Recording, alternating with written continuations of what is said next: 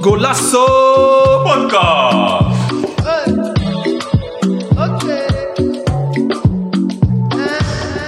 Welkom dames en heren bij een nieuwe aflevering van Golasso. Podcast. Welkom allemaal. Ik zit hier met drie heren aan tafel. Ik begin gelijk aan mijn rechterkant. Mo? Yes, yes. We zijn er weer. Ja, heb je er zin in? Altijd, hè? Altijd, altijd. Mo is lang weg geweest, maar hij is er. Ja, ja toch. Blij om weer aanwezig te zijn. Nog beste wensen en zo. Ja, thanks man. Jullie ook. Dankjewel. Dus, eh, Hoe is het met jou? ja, gaat goed. Eh, ik voel me goed. Ik ben eh, gelukkig fit. Dus eh, gezondheid is goed. Ik denk dat dat het allerbelangrijkste is, toch? Ja. Dus eh, ja, niks te klagen. En ben je ook al aan het voetballen? Want je zegt fit. Nee, moet je nagaan als ik nog erbij ga voetballen. Maar je Nee. voelt je gewoon fit en gezond. ja, eh. ja, toch. Dus eh, gaat goed. eh. Oké, mooi om te horen. Je hebt een mooie pet op. ja, zeker. Ja. Golasso podcast best. Ja, toch, nice. eh, Binnenkort op onze site eh, te koop. Ja, zeker. We zijn ermee bezig. Alleen eh, even wat vertraging opgelopen. En tegenover me zit eh, Sammy. Yes. Sammy, hoe is het met jou? Ja, gaat goed hoor. Ben jij wel aan het voetballen? Eh, ja, we hebben gisteren nog geza- gezaalvoetbald met een paar boys. Was even leuk met de vrienden van de buurt. En eh, gisteren ook voetbal gekeken. Uh, Mayens tegen Zwarte Pauw was wel leuk om eh, de boys van de, die zijn geweest, Ismail Selen. En, eh, maar Gerson heeft niet gespeeld helaas. Ja. Maar George wel.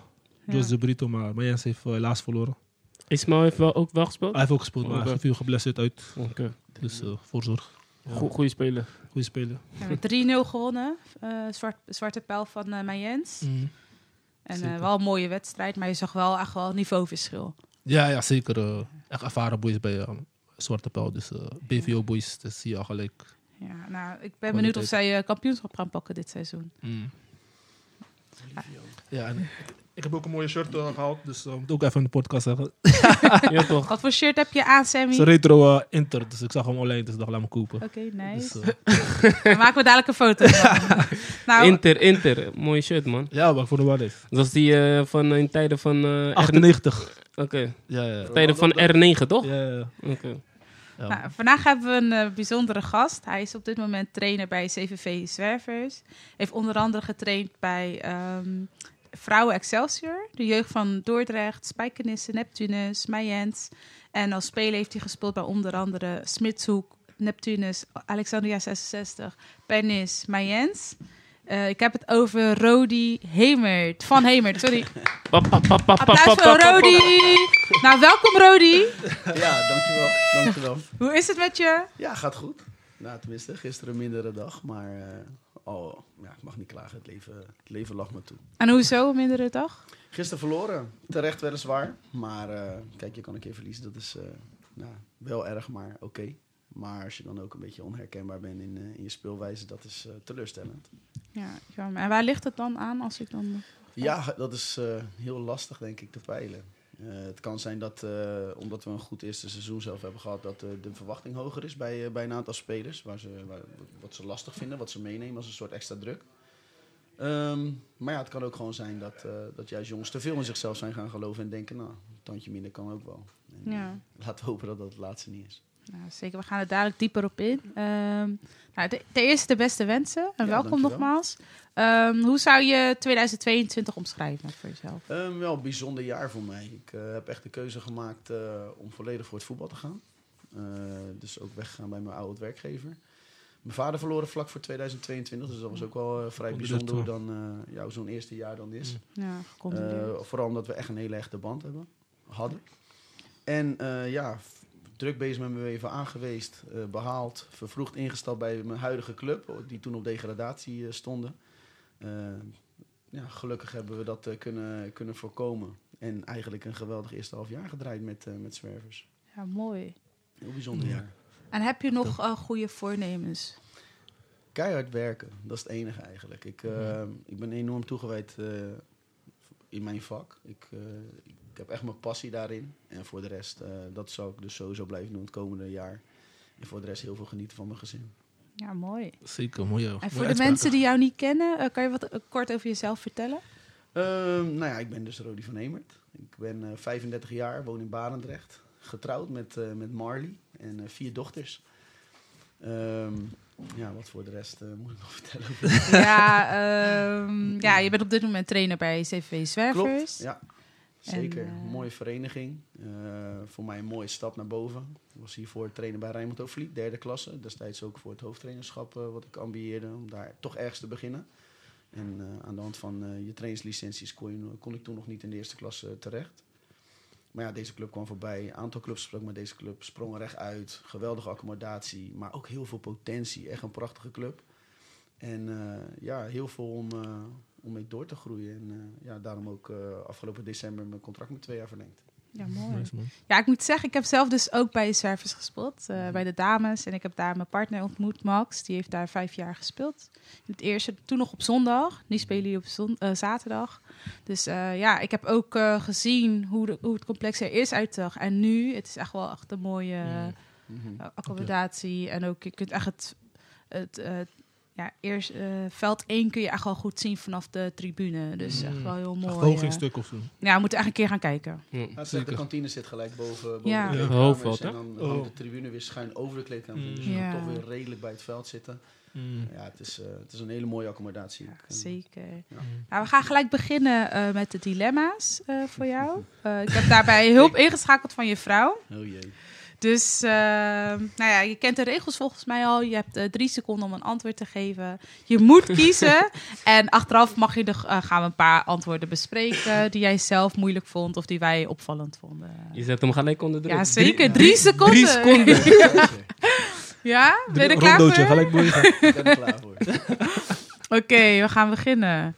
Eh, de eerste is Portugal of Cabo? Portugal. Ja. Portugal. Ehm, BMW of Range Rover? Range Rover. Ajax of Feyenoord? Eh, Ajax. Oké. Kizomba of Nederlandse hits? Voor Marley Nederlandse hits. Maar Voor mij, eh, ja, Kizomba. Ja, Kizomba.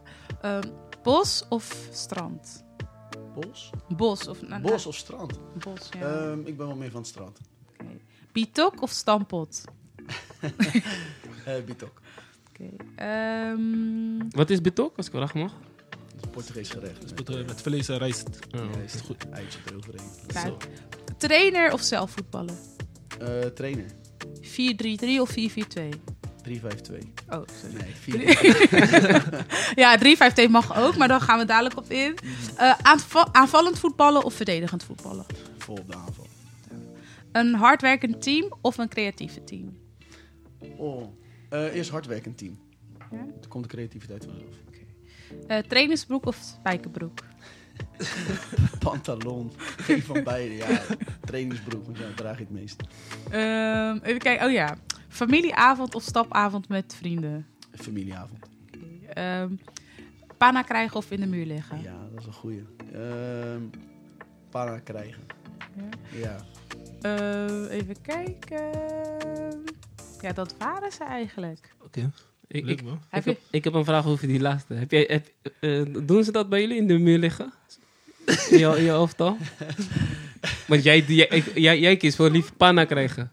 Nou ja, als, toen ik zelf speler was, dan vond ik dat niet zo erg. Ik, ik haalde, ja, ik vind dat niet zo erg. Mij gaat het om winnen. Om winnen, winnen, is het enige wat telt bij mij. En, eh, ik ben ja, echt gigantisch fanatiek. Ehm, en ja, een panna krijgen interesseerde mij niet, want ja, ik kan nog wel redelijk wat snelheid. Dus ik dacht, nou, dan trap ik hem daarna wel af.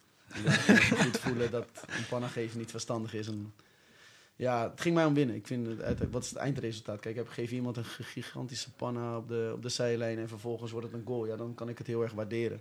Maar ja, tegenwoordig wordt eh, de panna iets te veel gehyped. Geef maar gewoon een goede Mm. overwinning. Het leidt vaak tot niks. Want wat is jouw positie? Ik speelde centraal achterin, soms eens op zes of op linksback. Mm. Ehm, en ja, eh, dat. Wat voor type speler eh, was jij? Was iemand die echt erin ging kleunen? Of was je meer iemand die de lijnen uit ging zetten als verdediger? Ik denk dat ik, eh, als ik jullie vorige gasten een beetje analyseer, dat ik eh, de Guy Ramos van het amateurveld was. Oké.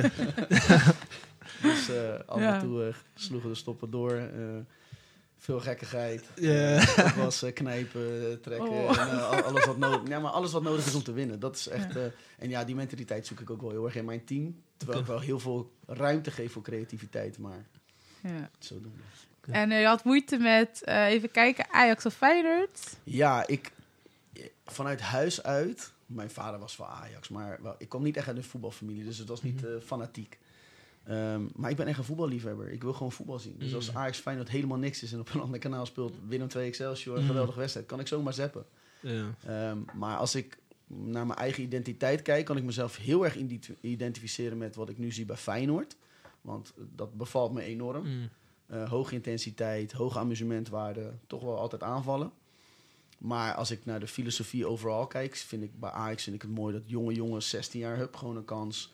Eh, ook wel een beetje brutaal, ze noemen het arrogant, maar ik, ik hou daar wel van. Dat je liever Mhm. gewoon uitspreekt van wij gaan nergens voor. En ja, Mhm. wat jullie daarvan vinden, zoek het lekker uit. Mm. Dus dat vind ik wel mooi aan Ajax. Dat, dat die trots er wel heel erg uitgesproken wordt. Ja, ik vind dat ook wel dat het moet mo- eh, kunnen, toch? Want in Amerika, als je NFL, eh, NBA kijkt, die spelers en trainers en teams die zijn gewoon super fanatiek. Wij zijn de beste, klaar. Ja, Maar als je in Nederland... Li- Liz is toevallig ook Ajax. Nee, maar, de- maar kijk, je moet toch ook de beste willen zijn? Je kan toch niet door de bescheiden doen van ja, nee. ja, kijk, Ja, ik, vind, ik vind dat ook wel het mooie. Kijk, wij komen natuurlijk uit Rotterdam en dan heb je vaak dat soort gesprekken. En dan het eerste wat je altijd hoort, ja, Amsterdam is altijd arrogant. Altijd Ja. arrogant. Ja. Maar ze spreken wel uit waar ze voor staan. En ze staan daar ook echt voor. En Ja, bij, zeker. wel. bij, bij Feyenoord zie je dan te vaak momenten. En dat vind ik jammer van deze club. Want het is een prachtige club. Feyenoord is echt een prachtige club. Alleen het wordt te vaak wordt het weggeschoven achter eh supporterschade. Dus het is niet Ja. de trots van de club zelf. Nee, we zijn trots op het legioen. Ja, We zijn trots op het stadion. Ja. Nee, we moeten trots zijn op Feyenoord. Feyenoord mag gewoon uitspreken. Luister, weet je, ik weet nog een paar jaar geleden, los van de financiële situatie waar ze in zaten, ze werden tweede en dat werd zo uitbundig gevierd. Ja. En ja, misschien laat dat dan wel zien dat je misschien net geen topclub bent, weet je. Dat, Mm. Eigenlijk kan dat niet.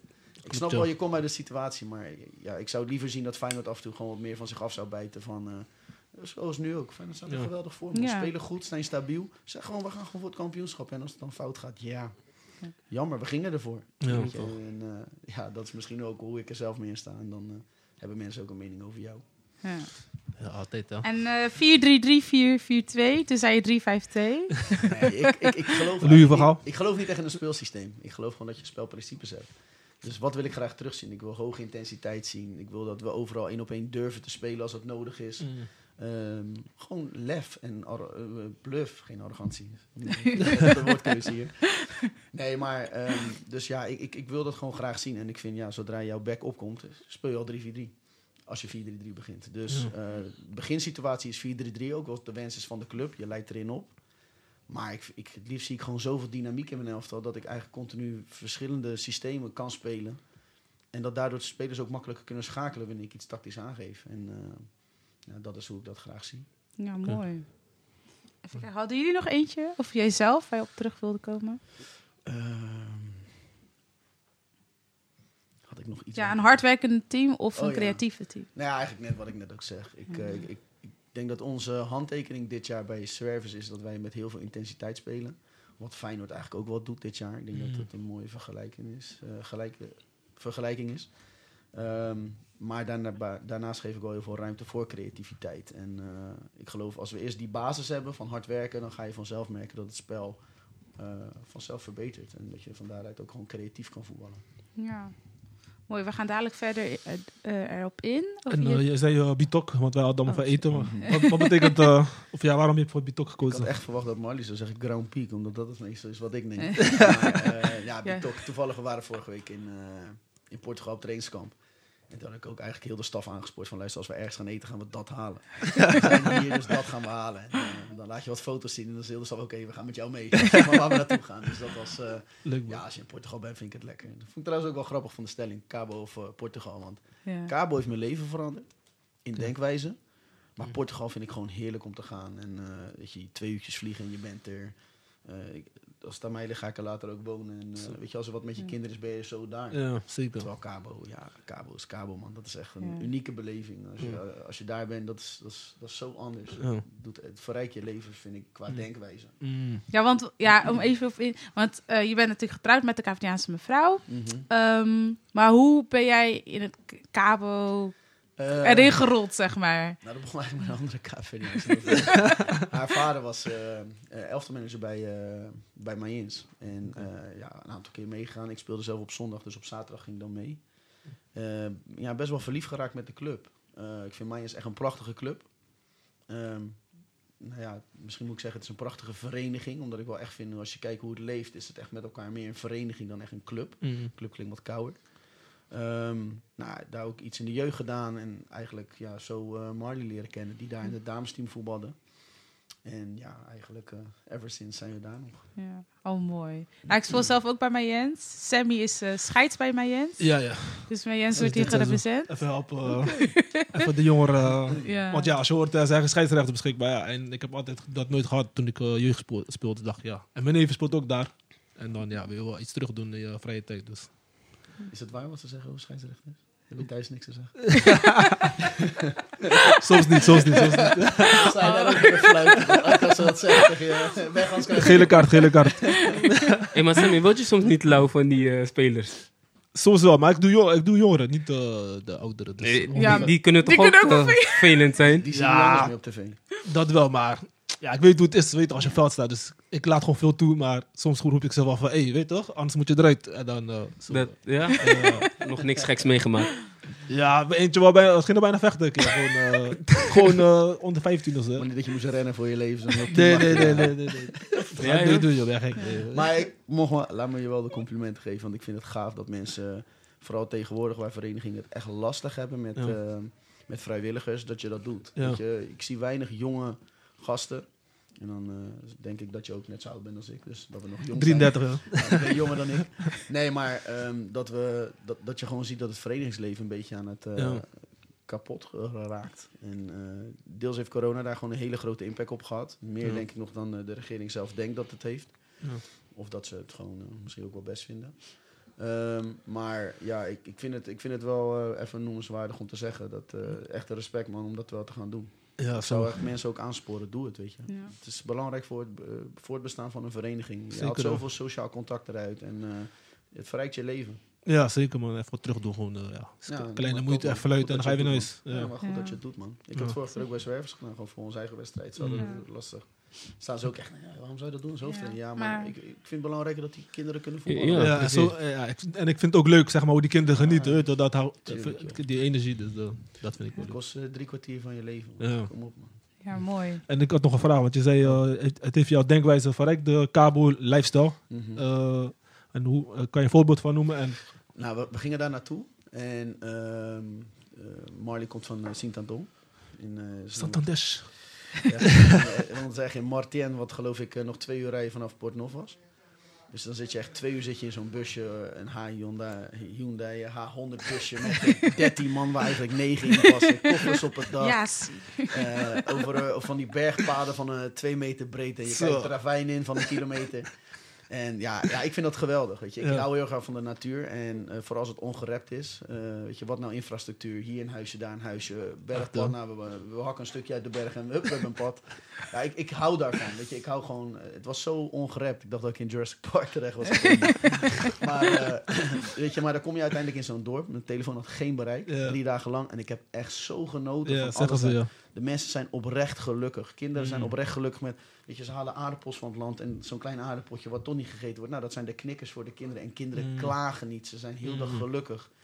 En toen had ik wel echt zoiets van, waar maak ik me eigenlijk druk om in mijn Mm. leven, weet je. Ik had ook echt zoiets van, we hadden toen nog geen kinderen, maar ik had echt zoiets van, als ik terug ga naar Nederland, ga ik dingen echt zo anders doen. Ik ga niet Mm. meer fulltime werken. Oké. Waarom zou ik het doen? Ik wil gewoon genieten van de dingen die ik doe. Eh, ook met Marley besproken. Ik wil gewoon meerdere keren per jaar gewoon op vakantie. Ik, ik wil gewoon leuke dingen doen. Ik wil genieten. En eh, nou, sinds eh, mijn oudste dochter geboren is, doe ik dat ook. Ik werk gewoon niet fulltime. Ik heb een dag voor mijn kinderen. Is. Ehm, en ja, nog belangrijk, ik ben gaan doen wat ik leuk vind. Mm. En ja, soms is dat een, eh, een, een- een ingreep die in je financiën gaat zitten. Ja. Maar ja, dan moet je gewoon samen voor werken. Om samen Ja. toch jullie, jullie dromen eh, te bewerkstelligen. En eh, als je daar keihard voor werkt, gaat vanzelf financieel gaat dat wel weer terugkomen Ja. bij je. Maar het zijn wel beslissingen die ik wel echt heb geleerd op Cabo. Dat ik dacht van, wauw, maar mensen zijn hier gewoon aan, no stress. Ja. Weet je, geluk zit, weet je, is zo iets kleins. Ja, zeker. Je, je hebt niet veel nodig. Weet je, hier, weet je, als je, je buurman koopt een Mercedes, zit je van, "Shit, wat ik ook maar een Mercedes, man. Ja. Je, je, je, ge- je geeft jezelf zoveel druk in het leven hier in, dit- in dit land. Echt hoor. En tuurlijk, dingen zijn goed geregeld. Hè. Nederland is niet in alles slecht. Maar ik vind dat is wel echt iets waarvan ik denk, daar kunnen wij Nederlanders zoveel van leren. Weet je. Hi- Hier sterven mensen echt aan ziektes gewoon door het eten wat niet goed is, de stress die we heel de dag Mhm. hebben. En, en daar zie ik mensen honderd worden en die lopen gewoon op de berg op alsof het niks is. Ja, dan denk ik echt van, dan doen wij echt iets verkeerd hier. Ja, ja. Zou je wel denken, ja. Ja. Ja. En neem je ook die denkwijze bijvoorbeeld ook eh, in je trainerscarrière mee? Bijvoorbeeld in benadering van speel of benadering van situaties? Want Nee, ik soms kan je... Totaal niet. Die, kinderen, die, die spelers van moeten stressen. nee, nee ik, ik, ik, ik, ik heb wel dat ik eh, in mijn... kijk, ik vind het belangrijk als trainer dat los van dat ik heel toegewijd ben... en echt wel sta voor professionaliteit... vind ik mijn sociale kant vind ik wel erg belangrijk om te, be- Mm. te behouden en te benadrukken. Ja. Dus ook echt met spelers in gesprek gaan over hoe is je leven? Waar Ja. loop je tegenaan? Ja, Zit het thuis niet lekker? Ga vanavond niet trainen. Neem een avond vrij, investeer in dat. Dus ik vind dat wel heel erg belangrijk om Mm. mee te nemen. En ook gewoon te delen van die denkwijze. Het komt een Mm. stukje voort bij mij vanuit geloof. Het komt een stukje voort vanuit wat ik mee heb gemaakt toen ik ook in Cabo was. Mm. Weet je, dat je een andere denkwijze hebt. En ik denk dat, eh, los van trainer, denk ik dat je veel meer bent dan alleen maar... eh, we spelen 4-3-3 en jij gaat voorzet Ja. geven en jij gaat verdedigen. Maar dat je ook, eh, ja, ook weet met de, eh, de rol die je hebt... dat je ook gewoon probeert je spelers iets mee te geven voor het leven. En Zeker. Dat, dat vind ik wel belangrijk. Mooi man. Ja, mooi. Zeker.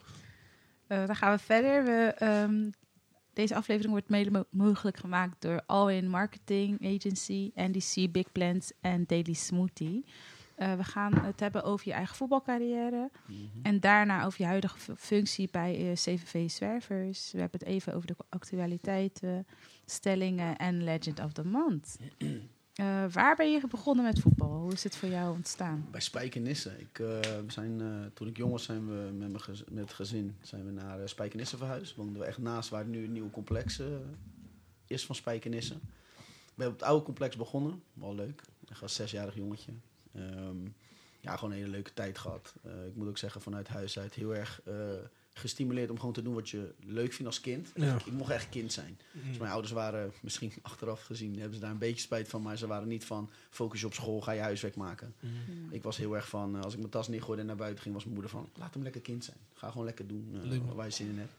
Dus ja, dat is wel een beetje hoe, eh, hoe mijn jeugd was. En gewoon altijd lekker veel gevoetbald buiten, veel gevoetbald bij de vereniging. En eh, ja, vo- voor de rest niet echt een voetbalfamilie. Dus het niet van, eh, kan ik niet echt herinneren dat vanuit mijn jeugd heel veel wedstrijden bezichtigd zijn door mijn ouders. Mm. Eh, op de eerste twee, drie jaar nadat je net voetbalt. Maar voor de rest, eh, ja, altijd gewoon lekker bij Spijk gevoetbald. En heel erg naar mijn zin gehad. Ja, mooi. En eh, jouw beste vrienden dan, die voetbalden dan met jou in het team? Of? Ja, ehm, toevallig eh, een buurjongen die dan ook mijn beste vriend was. Eh, onze ouders gingen naar dezelfde kerk, we gingen naar dezelfde voetbalclub. Dus dat was wel grappig. Wij kwamen elkaar gewoon overal tegen. En ja, we hebben gewoon samen lekker altijd gevoetbald. Eh, ik denk dat bij hem op een gegeven moment ook wel een laag pitje is ge- gekomen. Terwijl hij echt wel talent had. Een harde, goede verdediger. Maar ja, dat, daar bracht ik echt mijn jeugd mee door. En ja. Was je Oké. altijd al heel fanatiek? Want je zei net dat je fanatiek bent als Ja. speler. Ja, voetbal was wel echt mijn leven. Ik, kan nog herinneren dat toen ik van de basisschool ging, dat eh, de, de, de docent van, eh, van groep 8, die had voor iedereen een heel stuk geschreven. En voor mij ging het alleen maar, ja, voetbal is toch alleen leven. Doe- wat minder aan voetbal. Ga alsjeblieft school oppakken komend jaar. Zoiets stond er echt in. Dat kan ik nog wel herinneren. Bij de musical werd dat voorgelezen. Eh, dus ja, bij mij was voetbal eigenlijk, ja, voetbal heeft echt mijn hart veroverd. Ik, ik, ik, ik kan echt zeggen dat ik oprecht verliefd ben op voetbal. En eh, het heeft me ook zoveel gegeven als mens. Dus Mm. eh, ja, waaronder mijn vrouw en dus mijn Ja. kinderen. Dus ja, het is... Ja. eh, Maar wat zijn jouw mooiste herinneringen aan eh, jeugdvoetbal? ja, het apart is dat ik dat toch niet zoveel heb. Eh Kampioen wat me gelijk geworden? binnenschiet, ja, dat wel. Dat je kampioen bent geworden. Maar Ja. ja, weet je, ik denk dat iedereen wel eens een keer met een, een elftal kampioen is geworden. Wat me wel bijblijft zijn, eh, bij Spijkenis had je altijd eh, de tweedejaars eetjes voordat je naar de D ging. Eh, mocht je dan het, op, op het grote veld de- het toernooi spelen bij, bij Feyenoord was dat dan. Dat kan ik nog wel herinneren. Ja, dat je daar met al die te- jonge talentjes tegen. Feyenoord speelt en tegen andere BVO's. Dus dat was wel leuk. Mm. Ehm, ja, sowieso internationale toernooien. Weet je, dat je naar België gaat, dat je overnacht in een of andere kazerne. en dat je, weet je, je voelt jezelf eh, heel wat. Dat je gewoon eh, net 100 meter over de grens bent in. België. Maar, weet je, zulke soort dingen. Maar dat waren leuke dingen. Dat jongens vanuit het buitenland kwamen, gewoon echt amateurclubs. En, maar voor je gevoel was je even een dagje prof. Ja, dat, was- ja. was wel leuk. Leuk man. Ja. En heb je nogal met, eh, met goede tegenstanders, nee, goede medespelers gespeeld? Of eh, goede tegenstanders gehad in de jeugd? Eh, in de jeugd weet ik met Charlison Benschop, die nu bij de Graafschap speelt. Samen met, eh, met Jeffrey. Ehm, en ja, ja, Charlie was wel iets bijzonders bij ons in de jeugd. Ik weet, hij was, eh, was anderhalf jaar jonger dan ik, maar Mm. ik mocht al meedoen met de ouderen. En ik kan nog een keer herinneren dat hij, hij kreeg op de middenlijn een bal, speelde hem vooruit en liep gewoon om de grensrechte buitenlijn. En was nog steeds 10 meter eerder dan zijn tegenstander. Ja, die jongen was zo goed. Dat was wel echt op dat moment dat iedereen echt zag van ja, die jongen is wel echt heel goed. Voor de rest, ja, bij Spijk gingen altijd wel wat talenten door, maar ik kan me niet gelijk echt herinneren. Bepaalde spelers. Spijk stond ook altijd bekend om een hele goede Spijk had een jeugdopleiding. goede jeugdopleiding. Dan Ja. natuurlijk eh, de samenwerking met Heerenveen, waardoor ook heel veel jongens die kant op zijn gegaan. Ja, Dus- helemaal in Spijkenissen? Ja, destijds. Romano Denneboom ging daar toen naartoe. Oh, was een van ja. de eerste. Mm. Samen met, eh hoe heet die, Berkhout, Wesley. En nou, Romano heeft dan gered, Wesley niet. Eh, maar ja, heel veel jongens ook die uiteindelijk wel een top amateur gewoon eh, nog hun wedstrijden Mm. hebben gespeeld. Dus eh, ja. En uiteindelijk hebben we de overstap gemaakt naar senioren. ja, klopt. Ehm, hoe Ja. lang heb je bij de senioren Ik gespeeld? heb 14 jaar in de eerste elftal gespeeld. Ehm, Van Spijk. Nee, nee, nee. Oh. Daarbuiten. Heel, heel, wat- heel, heel omzwerving. Ik heb achteraf gehad, helaas. Club- Achteraf clublegende. gezien, eh, nou, ach- achteraf zeg ik helaas. Ik vind wel... eh, ik, als ik soms zie spelers die langer bij een club blijven... en hoe een club dan ook zo'n speler waardeert... denk ik van, ja, had ik daar maar wat meer mee gedaan. Ja. Eh, maar ja, je maakt soms wat overwegingen en beslissingen... gerelateerd aan allerlei zaken.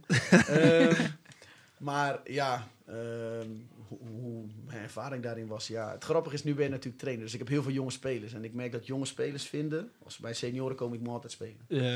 Die hebben gewoon van... Maar het verschil tussen jeugd... Jeugd speel je tegen je talenten. Dus als jij goed bent, ben je een Mm. van je betere in jouw lichting. Mm. Wanneer je bij senioren komt, heb je opeens te maken met een 30-jarige ervaren verdediger... die gewoon weet van... als ik hem één keer knijp in zijn zij, is hij Ja. uit de wedstrijd. Ja. Als ik hem één keer even een cakeje geef, is hij uit de wedstrijd. En dat zie ik dus nu bij die jonge spelers. En dat herken ik ook aan mezelf. Dat ik vroeger echt dacht van... Ik keek naar mijn concurrent en ik dacht van... Ik ken toch veel meer met een bal dan hij. Ja. Maar nu snap ik... Hij wist gewoon wat er gevraagd werd in een wedstrijd... om een wedstrijd te winnen. En ik wist gewoon wat er gevraagd werd vanuit mijn positie... om gewoon lekker mee te voetballen. Mm, mm. En eh, ja, dat is wel leuk als je dat nu kan, eh, die relatie nu kan leggen met je eigen spelers. En ik heb heel veel jonge spelers die heel ongeduldig zijn. ja, dat is, eh, dat is leuk, dat is leuk. Ja, we hebben thuis ook wel eens over dat je nu onder de 21 hebt, onder de Mhm. 23. Ja. Vind je niet dat daardoor de stap naar senioren te laat komt voor sommige spelers? Nou, ik denk dat het. Ik, ik, ik weet niet echt de beweegreden erachter. Dat is het meer. Ik begrijp de beweegreden niet. Ik snap dat een onder 21 voor een BVO loont. Want je houdt daardoor talenten iets langer vast. Ja. Vooral tegenwoordig, weet je. Iedereen wordt tegenwoordig maar zaakwaarnemer. Eh, dus ja, nee, maar ik, ik zat vorig jaar bij Dordrecht onder 21. Ja, elke week kreeg je wel gewoon op LinkedIn kreeg je berichten van... Ja, ik heb spelers die even langs willen komen om te trainen, weet je. Oh, ja. Echt, En dat begon gewoon in september en dat eindigde in mei. In juni zelfs nog. Dat je dacht van, ja, weet je, wat ermee? Dus iedereen is zaakwaarnemer tegenwoordig. En iedereen heeft de beste spelers, hè? Ja, eh, ja dat, dat sowieso. Ik heb beelden van je. En dan stuur ik altijd, dat is leuk, krijg je zo'n beeldfragment van een minuut waarin alles perfect gaat. Ja, elke paas is goed, elke actie is goed. Ik zeg, heb je ook een minuut van alles wat fout gaat? Want dan weet ik wat je kan verbeteren. En dat hebben ze natuurlijk allemaal niet. Weet je, dus ja, dat soort dingen. Dat, dat- ja, echt eh, ja, gekkigheid, man. Maar eh, we hadden het over... Ja, over eh, onder de 21, onder de Ja, 23. onder ja. 21. Ja. kijk, ik denk voor een BVO is het lonen, want je houdt jongens langer vast. En dan heb je ook eigen jongens die je langer vasthoudt. Weet je, die, die hebben al zes jaar in je jeugdopleiding gelopen, hebben jouw identiteit. Ehm, maar voor een amateurclub vind ik van, als jij onder 19 hebt gezeten en je gaat daarna gewoon naar een tweede elftal waar je ook tegen oudere spelers speelt, dan krijg je al het eerste moment waarin je even jeugdspeler moet loslaten en speelt tegen ervaren senioren. Dus dat is een goede tussenstap om daarna in het eerste te komen, waar eigenlijk draait het daar alleen om aan winnen. Winnen, ja. Heel simpel. Daar word je ook op afgerekend. Ehm, maar door onder 23, ja, ik vind als jij 22 jaar bent en jij haalt nog steeds het eerste niet, laat het los. Dan gaat het gewoon niet komen. Mm. Dat is gewoon heel eerlijk. Ja, weet je, ik, dan kan je, ja, ik vind dat Ja, is geloof, je, geloof je daar heilig in? ja, ja, ik vind dat echt. Als jij, als jij 18 jaar bent en je bent een van de grote talenten, dan ga je op een gegeven moment die stap maken. Nou, dan Mm. krijg je onder 19, want je moet nog een jaartje blijven. Mhm. Dan krijg je onder, ben je 20, ben je 21, Ja. 22. Heb je drie jaar zit je in zo'n onder 23 elftal. Mm. En nog steeds zit je niet bij het eerste. Mm. Kom op, je voetballoopbaan lo- duurt vaak tot 33. Dus je hebt zo weinig tijd. Ik denk, kijk, Mm. uitzonderingen daar gelaten. Maar ik denk dat die er bijna niet zijn. Maar vaak zie je het ook hè, aan, aan, aan jongens die dan Mm. in zo'n elftal zitten. Je moet gewoon bepaalde dingen zien. niet. En als je dat niet ziet, dan op die Nee. leeftijd, dan is het lastig. Hè? Ja. En vooral in de competitie die er nu is. Je hebt Mm. natuurlijk, eh, als je kijkt, de eerste divisie, daar zitten gewoon ploegen. Eh, ik geloof dat Nieuwekerk zit daar, Spijkenissen. Dat zijn wel ploegen. Die gaan al jongens die na onder 17 het goed doen. Die gaan ze al overhevelen daar naartoe. Zodat ze extra Kunnen wennen. stimulans krijgen in, Mm. in fysieke opzichten. Mm. Ehm, Dus daar snap ik het opleiden van. Maar je hebt zoveel clubs. Ik, ik geloof dat Hm. Mayens heeft ook een onder 23. Ja, Barendrecht. Ja, maar ja, dat zijn ook. Ja, Ja. maar Barendrecht heeft ook nog een tweede op niveau. Ja. Dus ja, waar hou je aan vast? En wij zijn dit jaar begonnen met de onder 23. Maar we hebben ook gezien na een half jaar, ja, het Mm. werkt niet. Weet je, we hebben toevallig een jongen nu overgeheveld naar het eerste toe. Maar dat is ook omdat ze heel de onder 19 eigenlijk door hebben gezet daarin. En dat hij was een van de weinige talenten. Ehm, maar als die jongens gelijk naar het tweede waren gegaan, denk ik dat ze zelfs nog meer weerstand hadden gehad. ja, dan dat je... Ja, Dat want je leeftijdsgenoten opeens eh, een geblesseerde speler van... eh, Ja. onze tweede speelt reserve hoofdklasse. Nou, dan speel je tegen goede, gerenommeerde zondagploegen. Waar misschien de speler van het eerste geblesseerd is, 26 jaar. Dus die kan niet in een onder 23 spelen. Dus die speelt gewoon bij het tweede. Ja, als, als mijn beste talent rechtsback is bij, eh, bij zo'n elftal in het tweede... en hij speelt tegen die 26-jarige Ja. linksbuiten... die al zes jaar ervaring heeft op eerste elftal niveau... gaat hij veel meer ontwikkelen in zo'n wedstrijd. Want hij moet op zijn tanden lopen. Mm. En nu bij onder 23 spelen ze gewoon weer tegen leeftijdsgenoten. Ja. Ja. Doen het weer op talent. Word je niet volwassen. Ik, ik geloof er niet in onder 23. Ja. Mm. Nee, ik snap al wat je zegt hoor. Ja. Mijn neefje die speelt onder de 23 bij eh Barendrecht. En die Mhm. speelde laatst een oefenwedstrijd tegen SSS. Ja, die spelen ook niet heel hoog. Het eerste van SSS. En dan zag je gewoon, ja, het is gewoon jongens tegen mannenvoetbal. En Ja. Mm. dan waren ze ook geïrriteerd, want ze speelden vies en zo, zeiden ze dan. Maar ja, dan zei ik ook tegen mijn neefje van, als jij naar... Andere mentaliteit. Ja, als je, ik, dat zei ik ook tegen mijn neefje. spelen echt om ja, te winnen. Om te winnen, Terwijl ja. die 23 blijft Die willen mooi in je mindset voetballen, Van, ja. ja. je blijft nog steeds in je mindset Actie. van ontwikkelen. Ontwikkelen, ja. Dat, dat valt weg. En Ja. dan kan zo'n jongen beter zeggen van... ik maak een stap naar een SSS. Op Ja. Baandrecht 1 ga ik blijkbaar niet halen. Nee. Dus ik ga naar SSS. Tussen zulke soort jongens spelen. Mezelf er, eh, ontwikkelen. En dan kan Ja. je misschien daarna Dat zei ik ook al dat, tegen Dat is wat ik denk in ieder geval daarover. Ja, ja, we hebben het thuis ook al vaak over, omdat ik zei, zoals ik net zei, mijn neefje speelt al onder de 23 en je ziet het gewoon steeds meer om je heen dat jongens dan best wel lang daarin blijven hangen en dan, Mm. ja, wat leer je daar nou echt? Het is Ja, als je- interessant. Dus Als je acht- misschien als je 18, 17 bent en zo, dan zou ik het misschien nog één of twee jaar geven, ja. Ja. Maar, Maar dan zou je dat zo'n jongen ook in de tweede kunnen zetten, waar die dus ook met ervaren spelers speelt. Als ik bijvoorbeeld Ja. een speler heb van 33 die een beetje aan het eind van zijn Latijn zit. En die laat ik af en toe met de tweede meedoen. Zo'n jongen kan leiding geven aan die jonge jongens. En dan Ja. leren hun dat ook. Mm. Weet je, maar nu, ze kunnen niet met hem spelen, want ze zitten in onder 23. ja, en daar mogen die, die senioren dan weer niet... die Nee, dus ik, ik, ik, ik zie de meerwaarde niet zozeer van... Ja, ik, ik zie het als, als je bijvoorbeeld zegt van... Ja, we willen niet tegen zo'n bierelftal spelen. Dus we maken van onder 23... Nee, maar snap Ja. je dat die jongens zeggen... Ja, ik ga niet in het vijfde spelen. Want Ja. tegen die bier... Ga dan onder 23 opzetten. Dat in ieder geval die jongens lekker onderling nog met talenten kunnen voetballen. Maar Ja. wel op recreatief niveau. Ik zie niet de prestatieve Ja. ervan. En eh, hoe ben je de trainingsvak ingerold? Want je bent best wel een jonge trainer. En wanneer ben je erin getrokken? Ehm, Erin Je gerold? hebt al drie eh, papieren, de Ja. EVA C en B en A. Dus mhm. dat zijn wel... eh, ben je vroeg begonnen dan, denk ik. Ik, eh, ik ben eh, sportopleiding gaan doen. Destijds. Ook eigenlijk omdat ik gewoon echt niet wist wat ik wilde. Mm. Ik denk, nou, dan, dat je dat sportopleiding is de uitweg voor iedereen die niet weet wat hij wil. dan ga je maar dat doen. Ehm, en toen kwam ik eigenlijk via eh, iemand eh, waar ik mee speelde. Die was eh, jeugdtrainer bij Botlek in de E1. Daar zat zijn zoontje in. Mm. En die zei, zou je dan niet je stage bij mij willen lopen? Dus ik ben eh, bij hem gaan lopen. Ik zal hem ook wel noemen, Serge, Serge de Lobel. En die is wel echt belangrijk daarin geweest. Die heeft dat echt heel erg gestimuleerd. Die gaf me ook het gevoel van, hé, hey, je, je hebt hier wel talent voor, doe er Mm. wat mee. Toen het jaar daarna ben ik naar Mayens toe gegaan. En daar dan drie jaar in de jeugd bezig geweest. Nice, Dus, wacht. eh, Welke elftallen waren dat? ja, dat was destijds gingen we, we hebben dat opgezet. Toen weet ik nog, want dat was samen met Guy en met Gerson en Mm. met eh Edder, de Rosario. En Ja. toen hadden we dus eh, F1, F2, E1, E2 hadden we dan. Toen deed ik eh, het E1 elftal. Mm. Eh, wel leuk, werden we dat jaar ook kampioen. Zo. Maar het leuke was, E2 werd het ook, F1 werd het ook. En ik geloof F2 ook. Dus ik dacht, alle, alle elftal werden kampioen. Maar dat geeft wel aan hoeveel talent daar loopt. Ja, ja. Eh, toen het jaar daarna ben ik naar de D'tjes gegaan. Zijn we daar ook kampioen geworden. Wel- Welke periode was dit eh, voor de visualisatie? Ik denk dat ik begin 20 was. Dus dat was echt wel meer dan 10 Oh, toen jaar was- geleden. was Toen echt toen Mayens Mayens- al- Toen Mayens- Mayens zat alleen in de eerste elftal. Dat was toen kampioen geworden in de vijfde klas gepromoveerd. Vanuit de vierde klas. Mm. Derde klasse speelden ze toen nog. Eh, toen begonnen ze met jeugd. Dus toen zijn we daar eh, ingestapt om dat te doen. Het is 2012 zo, 2000, Nou, ik denk misschien wel 2010. 2010. Ja, Mm. dat is wel echt een tijd Zo. geleden. Oké. Dus, ehm, dus ja, was wel leuk. Toen eh, het jaar daarna de D'tjes op een groot veld. Toen, Mm. ja, toen begon ik het trainingsvak echt leuk te vinden. Mm. Dus eh, altijd daar wel in geïnvesteerd. Terwijl ik zelf ook nog voetbalde. Ehm, en toen op een gegeven moment merkte ik, ik werd 28, 29. Ik speelde bij Smitshoek. Ik weet nog echt heel goed. Het was de uitwedstrijd naar Kloetingen in eh, Zeeland. En dan zit je anderhalf uur zit je in die bus.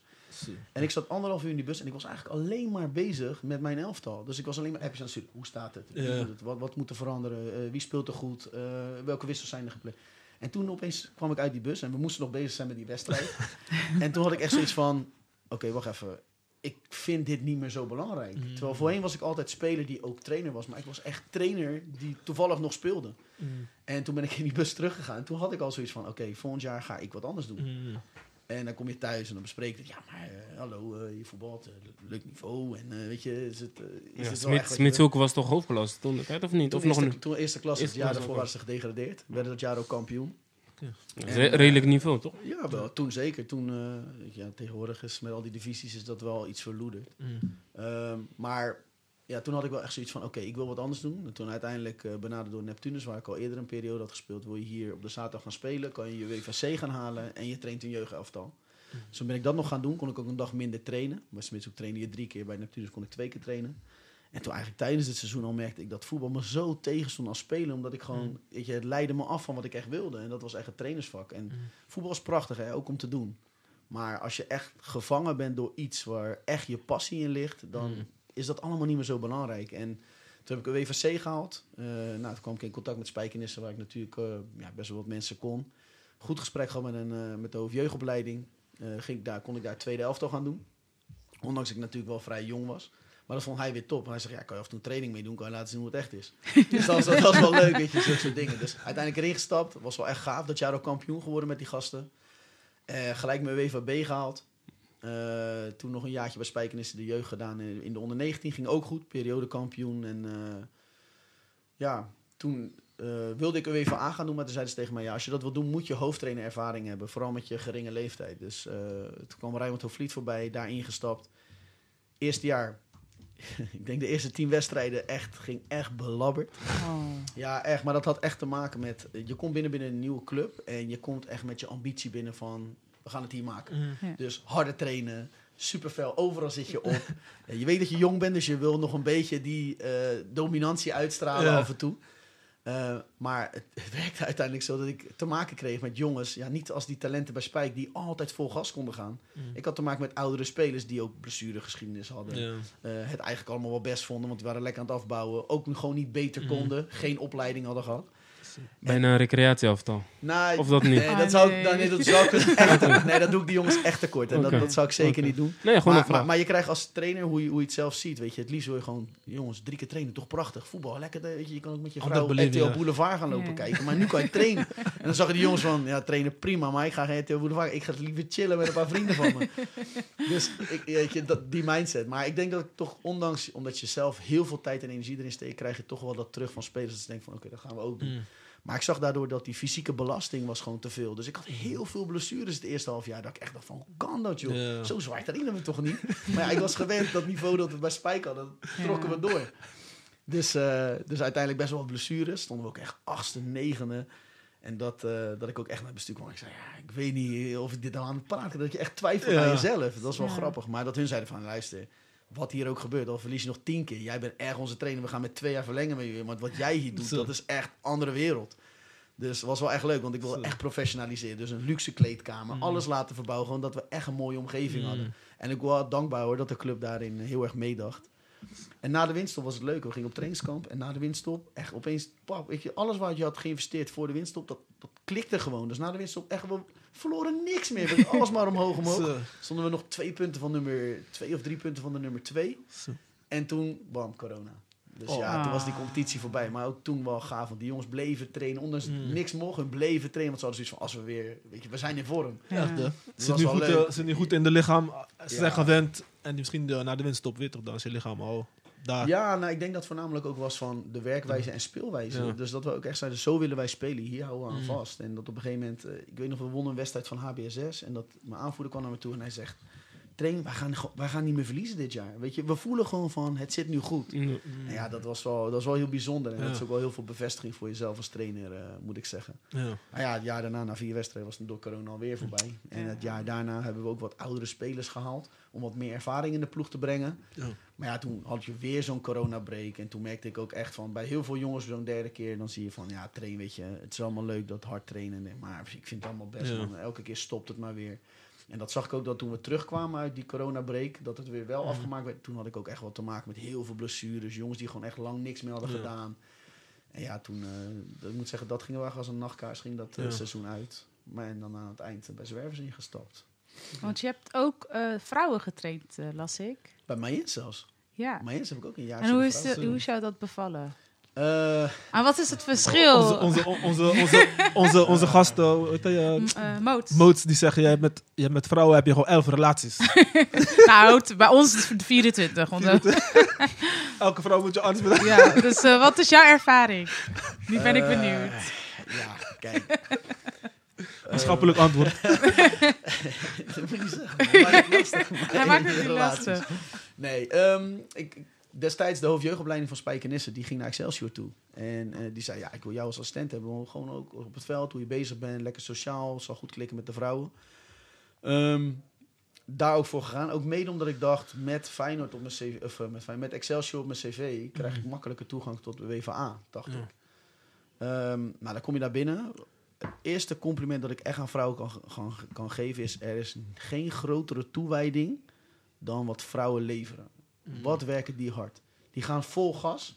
Echt geen, geen gezeik. Weet je, kijk, ja, dat klinkt lullig. En dat is niet denigrerend bedoeld. Maar als ik zou zeggen, ga, ga blaffen, gaan ze blaffen. Ga rennen, ga rennen.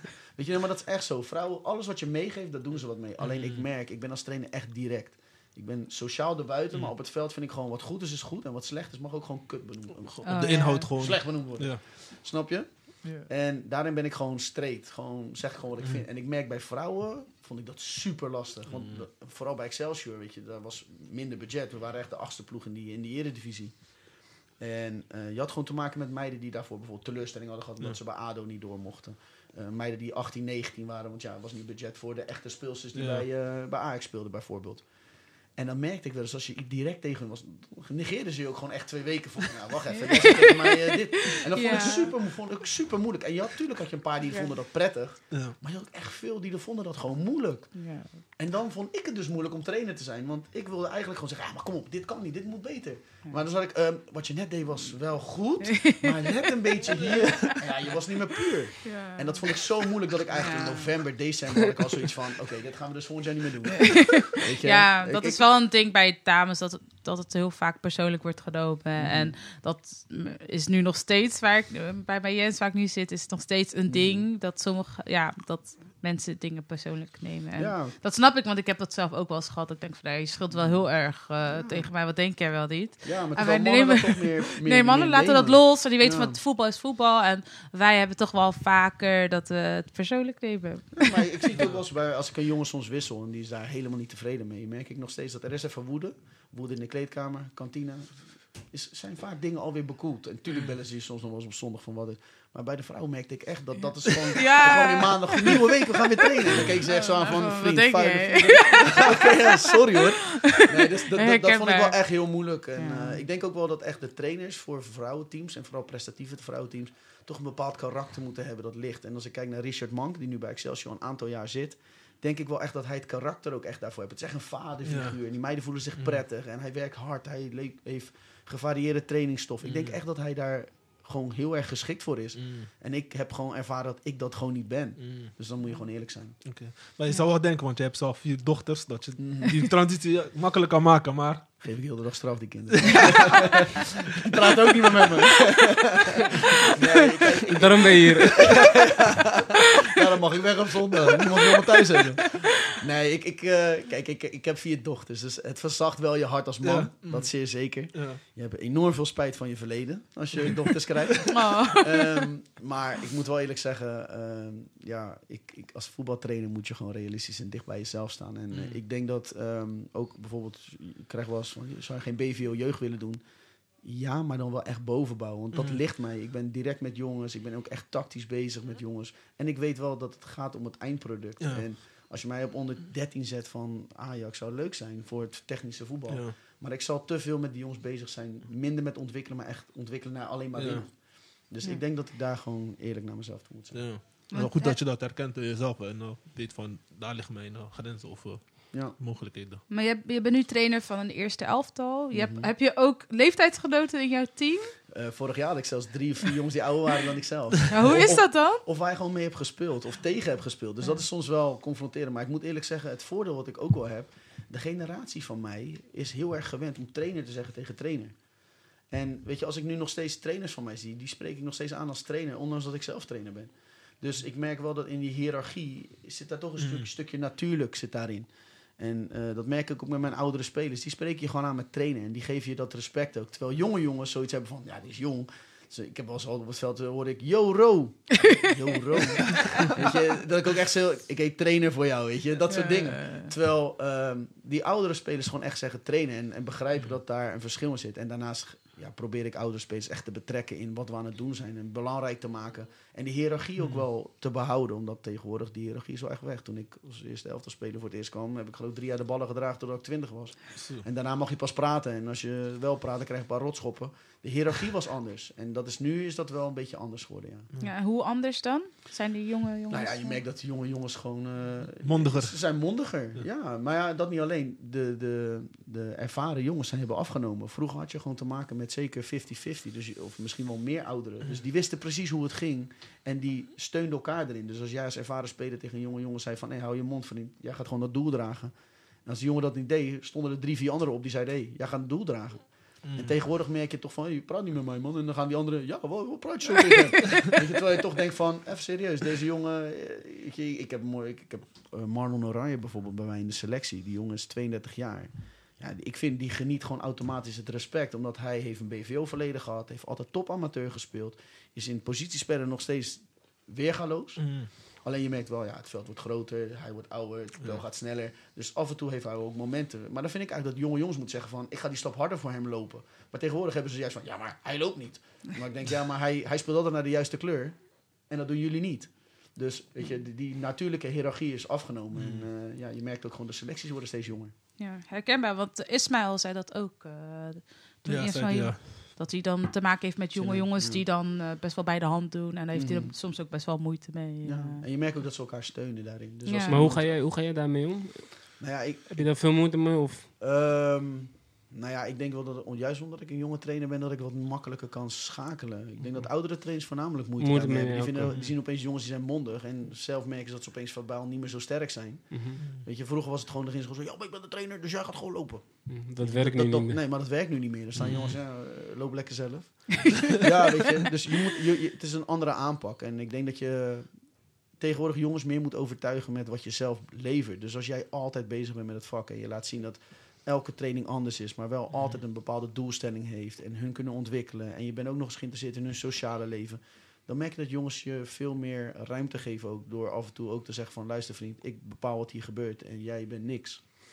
Ik kan jou, nee, maar ik kan jou wegsturen als je wil. Weet je, het is een beetje de positie van power, weet je. Eh dat kan je misbruiken door alleen maar te gaan schreeuwen van ik ben hier de baas en jullie doen wat ik zeg. Maar dan ga je jongens tegenwoordig verliezen. Zeker. ja. En ik denk dat je Wel juist, weet je, ja, de, de positie van power is wel dat ik beslissingen kan maken of hij zijn voetbalcarrière per direct stopt of niet. Mhm. Want als ik zeg, ik zeg maar wat in oktober, ja, je bent niet meer welkom, moet je de rest van het jaar je nergens voetballen.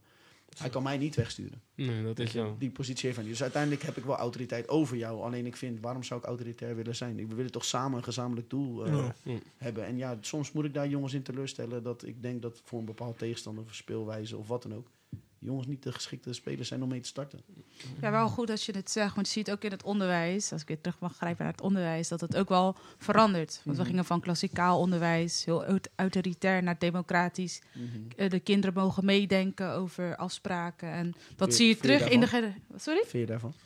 Ja, ik vind het wel goed. Ik ben best wel... ehm, Mhm. Ja, ik Betrokken. Ben, ja, ik ben heel betrokken, maar ook wel leerling gestuurd. Ik hou Mhm. heel veel uit de leerlingen zelf. De, ik geef les aan kleuters en die kleuters mogen echt eh, met mij de afspraken bepalen. En Ze Mhm. mogen zelf ook bepalen wat we gaan spelen in de klas. We gaan wel samen de afspraken maken. Ik heb wel de leiding over de groep, maar het komt wel. Ik trek wel heel veel uit de groep zelf. Mhm. Dus inspiratie. Ja, Eh, dat ze mogen dat- ook hun mening geven aan mij. Ik en denk dat dat wel goed is. Alleen denk ik wat ik soms wel een beetje mis in het hedendaagse... is dat daardoor de natuurlijke hiërarchie weg is. Dus vroeger als wij op een pleintje waren en er kwam een politieagent en zei... jongens, naar huis. Mhm.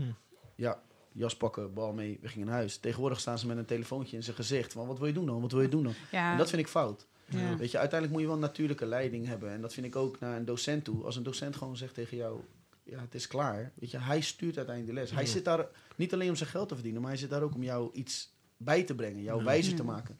En dat natuurlijke respect is een beetje weg. En dat vind ik Ja. wel jammer. Maar ik moet zeggen, in het onderwijs is dat, wordt dat wel meer gestimuleerd om veel uit de kinderen Mhm. zelf te halen. En daardoor ga je dan nu dit ook weer krijgen. Klopt. Dat ze niet gewend zijn met ik autoriteit. denk dat we thuis falen. Dat zeg je? Ik denk dat we thuis falen. Als Ja, ik de ouders van ja, tegenwoordig zie, ze willen vriendjes zijn met hun kinderen. Weet je, Nee, dat- weet je, ik werk de hele dag, dus ik wil rust 's avonds. Dus hoe kan ik rust krijgen? Ik geef ze een iPad. iPad. Heel de dag zijn ze weg. Ik zit zelf in mijn telefoon. Ik zat Ja. laatst in de metro, laatst al een tijd geleden alweer. Weet je, gewoon een ouder die heel de tijd op haar telefoon zit. En die kinderen gingen elke keer bij een halte de deur open ging, gingen ze rennen naar een andere deur. Maar die moeder had niet eens door. Voor hetzelfde gaat die deur dicht. Dan zou ze gewoon wegrijden. Die vrouw zit gewoon zo. Die heeft gewoon niet door dat de kinderen in slingen staan. Nee, maar snap je dat ik denk van, wauw man, het ouderlijke gezag daarin is wel echt, weet je, we moeten wel oppassen dat we niet te veel vriendjes worden. Het is wel goed voor kinderen ook om te weten dat er hiërarchie is en dat je niet, weet je, tegenwoordig, eh, ja, als ik morgen beslis dat ik een vlinder ben, dan zegt iedereen, ja, klasse man, als jij je zo voelt moet je dat doen. dat ik denk van, nee, je moet ook jongens, mensen kunnen zeggen van, luister, dit, dat klopt niet. Ja. En dat begint al thuis door ook gewoon te zeggen van, luister, als ik vanavond zeg dat wij stampot eten, ga ik niet voor jou apart rijst lopen koken. Ja. Jij eet gewoon dat. Ja. Kan niet, kan niet anders. Je kan niet meerdere kapiteins op één schip hebben. Nee. Dus uiteindelijk moet de beslissing bij eentje En liggen, toch? je kind kan geen kapitein Ja. maken. Je, Als je onze ouders zien in de supermarkt van die kinderen. op de grond lopen Ja. te gekrijsd. Maar het wordt wel echt... eh, ja, ik moet echt zeggen, ook vanuit pedagogen. Het wordt Mhm. steeds meer dat. En Ja. ja, dat, Ja. je je moet daar wel een balans in vinden eigenlijk. Nee, Maar, alles, je eh, ziet ook dat kinderen ja. zelf meer redzaam zijn. Hè? Ja. Ik heb een dochter van 2,5, die weet mijn code al op mijn telefoon. nee, maar dat zegt wel iets Ja. over ontwikkeling. Het is ook Ja. iets positiefs, dat ze wel dingen sneller Ja. oppakken. Ja. Maar ik denk wel dat het belangrijk is dat we wel sturing blijven geven. Zeker, naar huis en dus ook op het veld. Het is wel aan onze generatie om dat te doen. Ja. Ehm, Wat, wat is het, eh, ja, sorry hoor. Wat is het gekste wat je tot nu toe hebt meegemaakt in je voetbal eh, als eh, trainerscarrière, in je trainerscarrière? Eh, oh, nou ja, dit jaar heb ik wel een keer echt eh, hoofd tegen hoofd gestaan met een speler. Oeh. Dat is echt wel. Moment. Eh, nou ja, kijk, Maar hij zit er nog, hè? ik zit er nog. hij zit er nog. Spelen hebben ze al drie maanden niet meer gezien. Nee, nee dat was echt, eh, dat, ja, dat was wel echt gek, moet ik eerlijk zeggen. Eh, maar het gekste wat ik misschien met trainingscarrière heb meegemaakt was, ik was trainer bij, eh, bij Pernis. In de onder eh 15 was ik trainer. En eh we trainden die jongens op maandag en woensdag. En ik was zelf speler op dinsdag en donderdag. En ik trainde op dinsdag. En ik werd opeens van het veld afgeroepen. Was, eh, een van die spelers had zelfmoord gepleegd. Had zichzelf opgehangen. Ja, was wel echt, echt, echt raar is dat. Gewoon dat je maandag nog een jongen op het veld hebt. zo. En echt, gewoon echt een beetje het mannetje was dat ook. Hm. En ja, zo raar dat je gewoon dinsdag van het veld af... Want we waren aan het trainen, ambulance, brandweer. Worden Maar jij speelde, zij, jij speelde Ik daar speelde in het eerste daar. en jij trainde dan die onder 15 ook. Ja, en eh, weet je, je hoorde brandweer en de ambulance hoorde je langs gaan langs het trainingsveld. Maar Ja. je denkt van, ah, weet je, iemand... eh, Gewoon je, iets in nog gebeurd in de week. eh. Ja, iemand valt van zijn fiets, weet ik veel. Zo. En dan hoor je opeens van, eh, ja, kan je van het veld komen? Want ja, we moeten iets meedelen. Een, een speler van jou bij de onder eh, 15 heeft zelfmoord gepleegd. Gewoon zichzelf opgehangen. Dat ik echt dacht Zo. wauw, dat maakte echt een impact op mij. Dat ik, ik was ook echt even, even van slag wel. Omdat je gaat heel erg jezelf kwalijk nemen. Van, Ja. Ik ben de trainer, dus ik, ik moet dat toch herkennen. Dat zo'n jongen Ja. ergens mee loopt. Hm. Maar ja, achteraf hoor je dan dat hij op school, dat niemand dat gesignaleerd heeft. Dat het, echt, het was ook echt in het team een beetje het mannetje. Iedereen liep met hem weg. Gewoon echt het stoere, stoere jochie. Maar achteraf wat je hoort dat thuis, dat hij heel veel dingen eh, tot zich nam. Weet je, als er iets gebeurde, dan kon hij zichzelf dat kwalijk nemen. Ja, en dan, dan hoor je dat. Dat is echt, eh, ik zeg eerlijk, dat is echt wel echt dieptepunt uit mijn trainerscarrière. Ja. Dat je zoiets meemaakt. Maar toch dat je jezelf kwalijk neemt van, waarom heb ik dat niet gesignaleerd? Ja, maar hij hield gewoon een eh, zeg maar, masker op, zeg maar. Was zo, maar Ja. van binnen was hij Ja. gebroken. Ja, ik weet het, ik weet het echt niet. Mm. Weet je, eh, in die leeftijd is het sowieso lastig Ja. natuurlijk hoe ze zich, eh, Ja, hoe ze zich zien. Maar dat is wel echt, eh, is wel echt bizar als dat hoor, als je zoiets meemaakt. Ja. En, eh, ja, dat was ja, echt bizar. Ben je daardoor ook eh, meer met, die, met je spelers gaan praten vanaf dat moment? Of ben je altijd al zo Nee, geweest? Ik denk dat ik altijd wel een beetje de sociale jongen ben geweest. Eh, maar die ook wel echt oprecht interesse heeft in eh, wat mensen beweegt. Ik vind dat wel heel interessant. Ja. Ja, maar dat is denk ik ook wel goed, toch? Want dan heb je toch wel een soort van maatschappelijke rol als je, als je trainer bent, Ik weet denk je wel. ook dat trainers Ja. maatschappelijk, een Mm. maatschappelijke Ja. rol hebben. Mhm. Ehm, op een of andere manier heb je ook een stukje aanzien binnen een club. Dus ik vind ook bijvoorbeeld belangrijk na wedstrijden, laat je je gezicht zien in de kantine. Wees even van het volk. Weet je, ehm, maak tijd voor eh, een man van 70 die wekelijks of jaarlijks komt kijken Zeker. en wat kritiek heeft. Maar legt het hem gewoon uit. Weet je, je kan wel zeggen, "Pff, komt hij weer met dat gezeik van hem. ja, weet je, maar ja, weet je. Hij wil ook even gehoord worden. weet je toch? Ja, die mensen willen gewoon even gehoord worden. Mm. En ik denk als je die tijd voor hun neemt. En dat weet Marley dan wel. Dat als, ja, ze weet, als, als wij winnen, ben ik om 7 uur thuis. Als wij verliezen, ben ik om 9 uur thuis. Ja. ik, ik ben langer op de club, want ja, ik weet gewoon, mensen hebben een bepaalde mening. En daar luister ik gewoon naar, weet je. En soms ben ik het totaal niet met ze eens. Maar ik vind het wel belangrijk dat ik hun de tijd geef daarvoor. Ik denk dat ook dat je, je bent clubbezit. Weet je, los van dat je hoofdtrainer bent. Ehm, Ja. En dat is misschien in betaalde voetbal lastiger. Want als je voor 30.000 man staat, is het een lange avond. maar, ja, weet je, maar uiteindelijk denk ik wel dat het belangrijk is dat je mensen een zegje laat doen. En je kan wel zeggen, ja, maar ik ben de trainer en wat weet jij nou? Je zit hier maar een beetje je biertjes te drinken. Ja, dat werkt niet. Mm. Dat werkt niet. En is er ook een trainer waar jij naar opkijkt? Ehm, als ik echt kijk naar eh, waar ik naar opkijk in de situatie waar ik zelf ben, dan is het echt Adrie Poldervaart van de Graafschap. Ik vind eh, het leuke is, hij, heeft- hij is actief geweest bij clubs waar ik ook actief dan ben geweest. Ehm, ehm, ja, Adrie, als ik spelers spreek die Adrie hebben gehad, hoor ik altijd dat ze zo met hem weglopen. Weet je? Hij is zo bevlogen met het spel, leuke spelopvatting, maar ook echt een mensenmens. Dus dat vind ik, daar heb ik echt wel heel veel respect voor. Het leuke is, ik heb net naam Marlon heb ik benoemd die heeft hem ook als trainer gehad. En eigenlijk het mooiste compliment dat ik kreeg in de winststop in gesprekken was... hij zegt, je hebt zoveel raakvlakken. Hij zegt, het is echt top, weet je. En hij heeft uiteindelijk door zijn bevlogenheid en toewijding... heeft hij het betaalde voetbal gehaald. Dus daar kijk ik heel erg eh, wel naar op. Of eh, tegenop. Zeg ik dat goed? Ehm, maar als ik meer kijk naar eh, trainers waar ik echt, die ik echt heel interessant vind... misschien is dat het betere woord...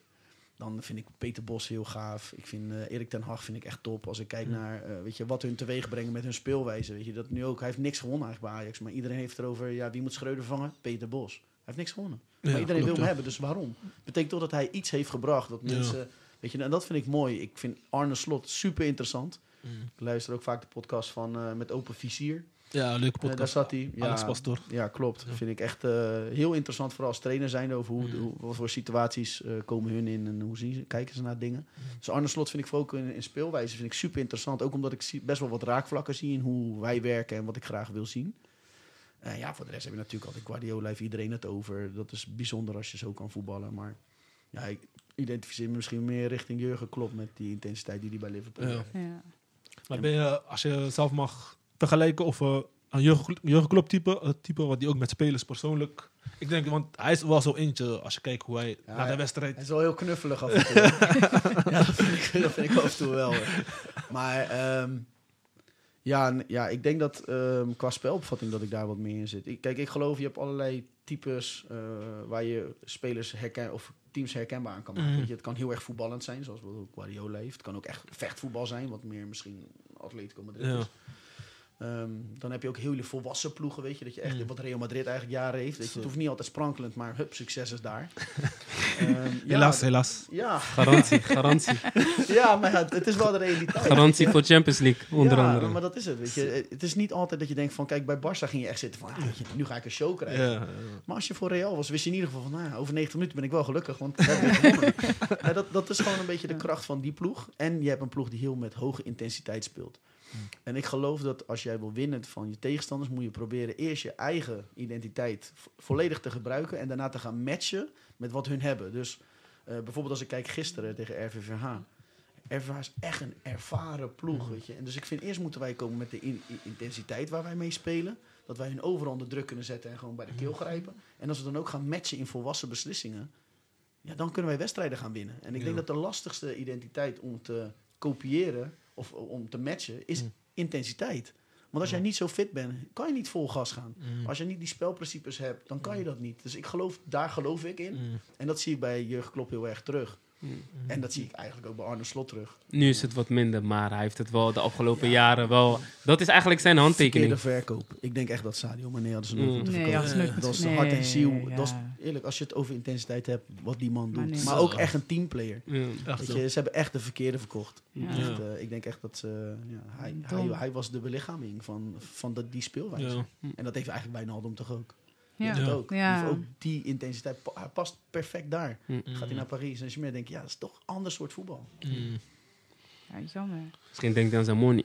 ik denk dat het dat wel zeker zo is. Ja. Zo wordt wat daar, en dat is natuurlijk transfervrij, dus het heeft wel wat opgeleverd, denk ik. Ja, zeker. Maar je hebt nu je UEFA A gehaald. Mhm. Zijn er nog meer diploma's die ik het halen? UEFA Pro. Ik Pro. wil hem wel gaan doen. Wil je gaan doen? Ja, wil ik echt gaan doen. Ik, ehm, ja, ik, ik ben gewoon ambitieus en ik wil graag iets.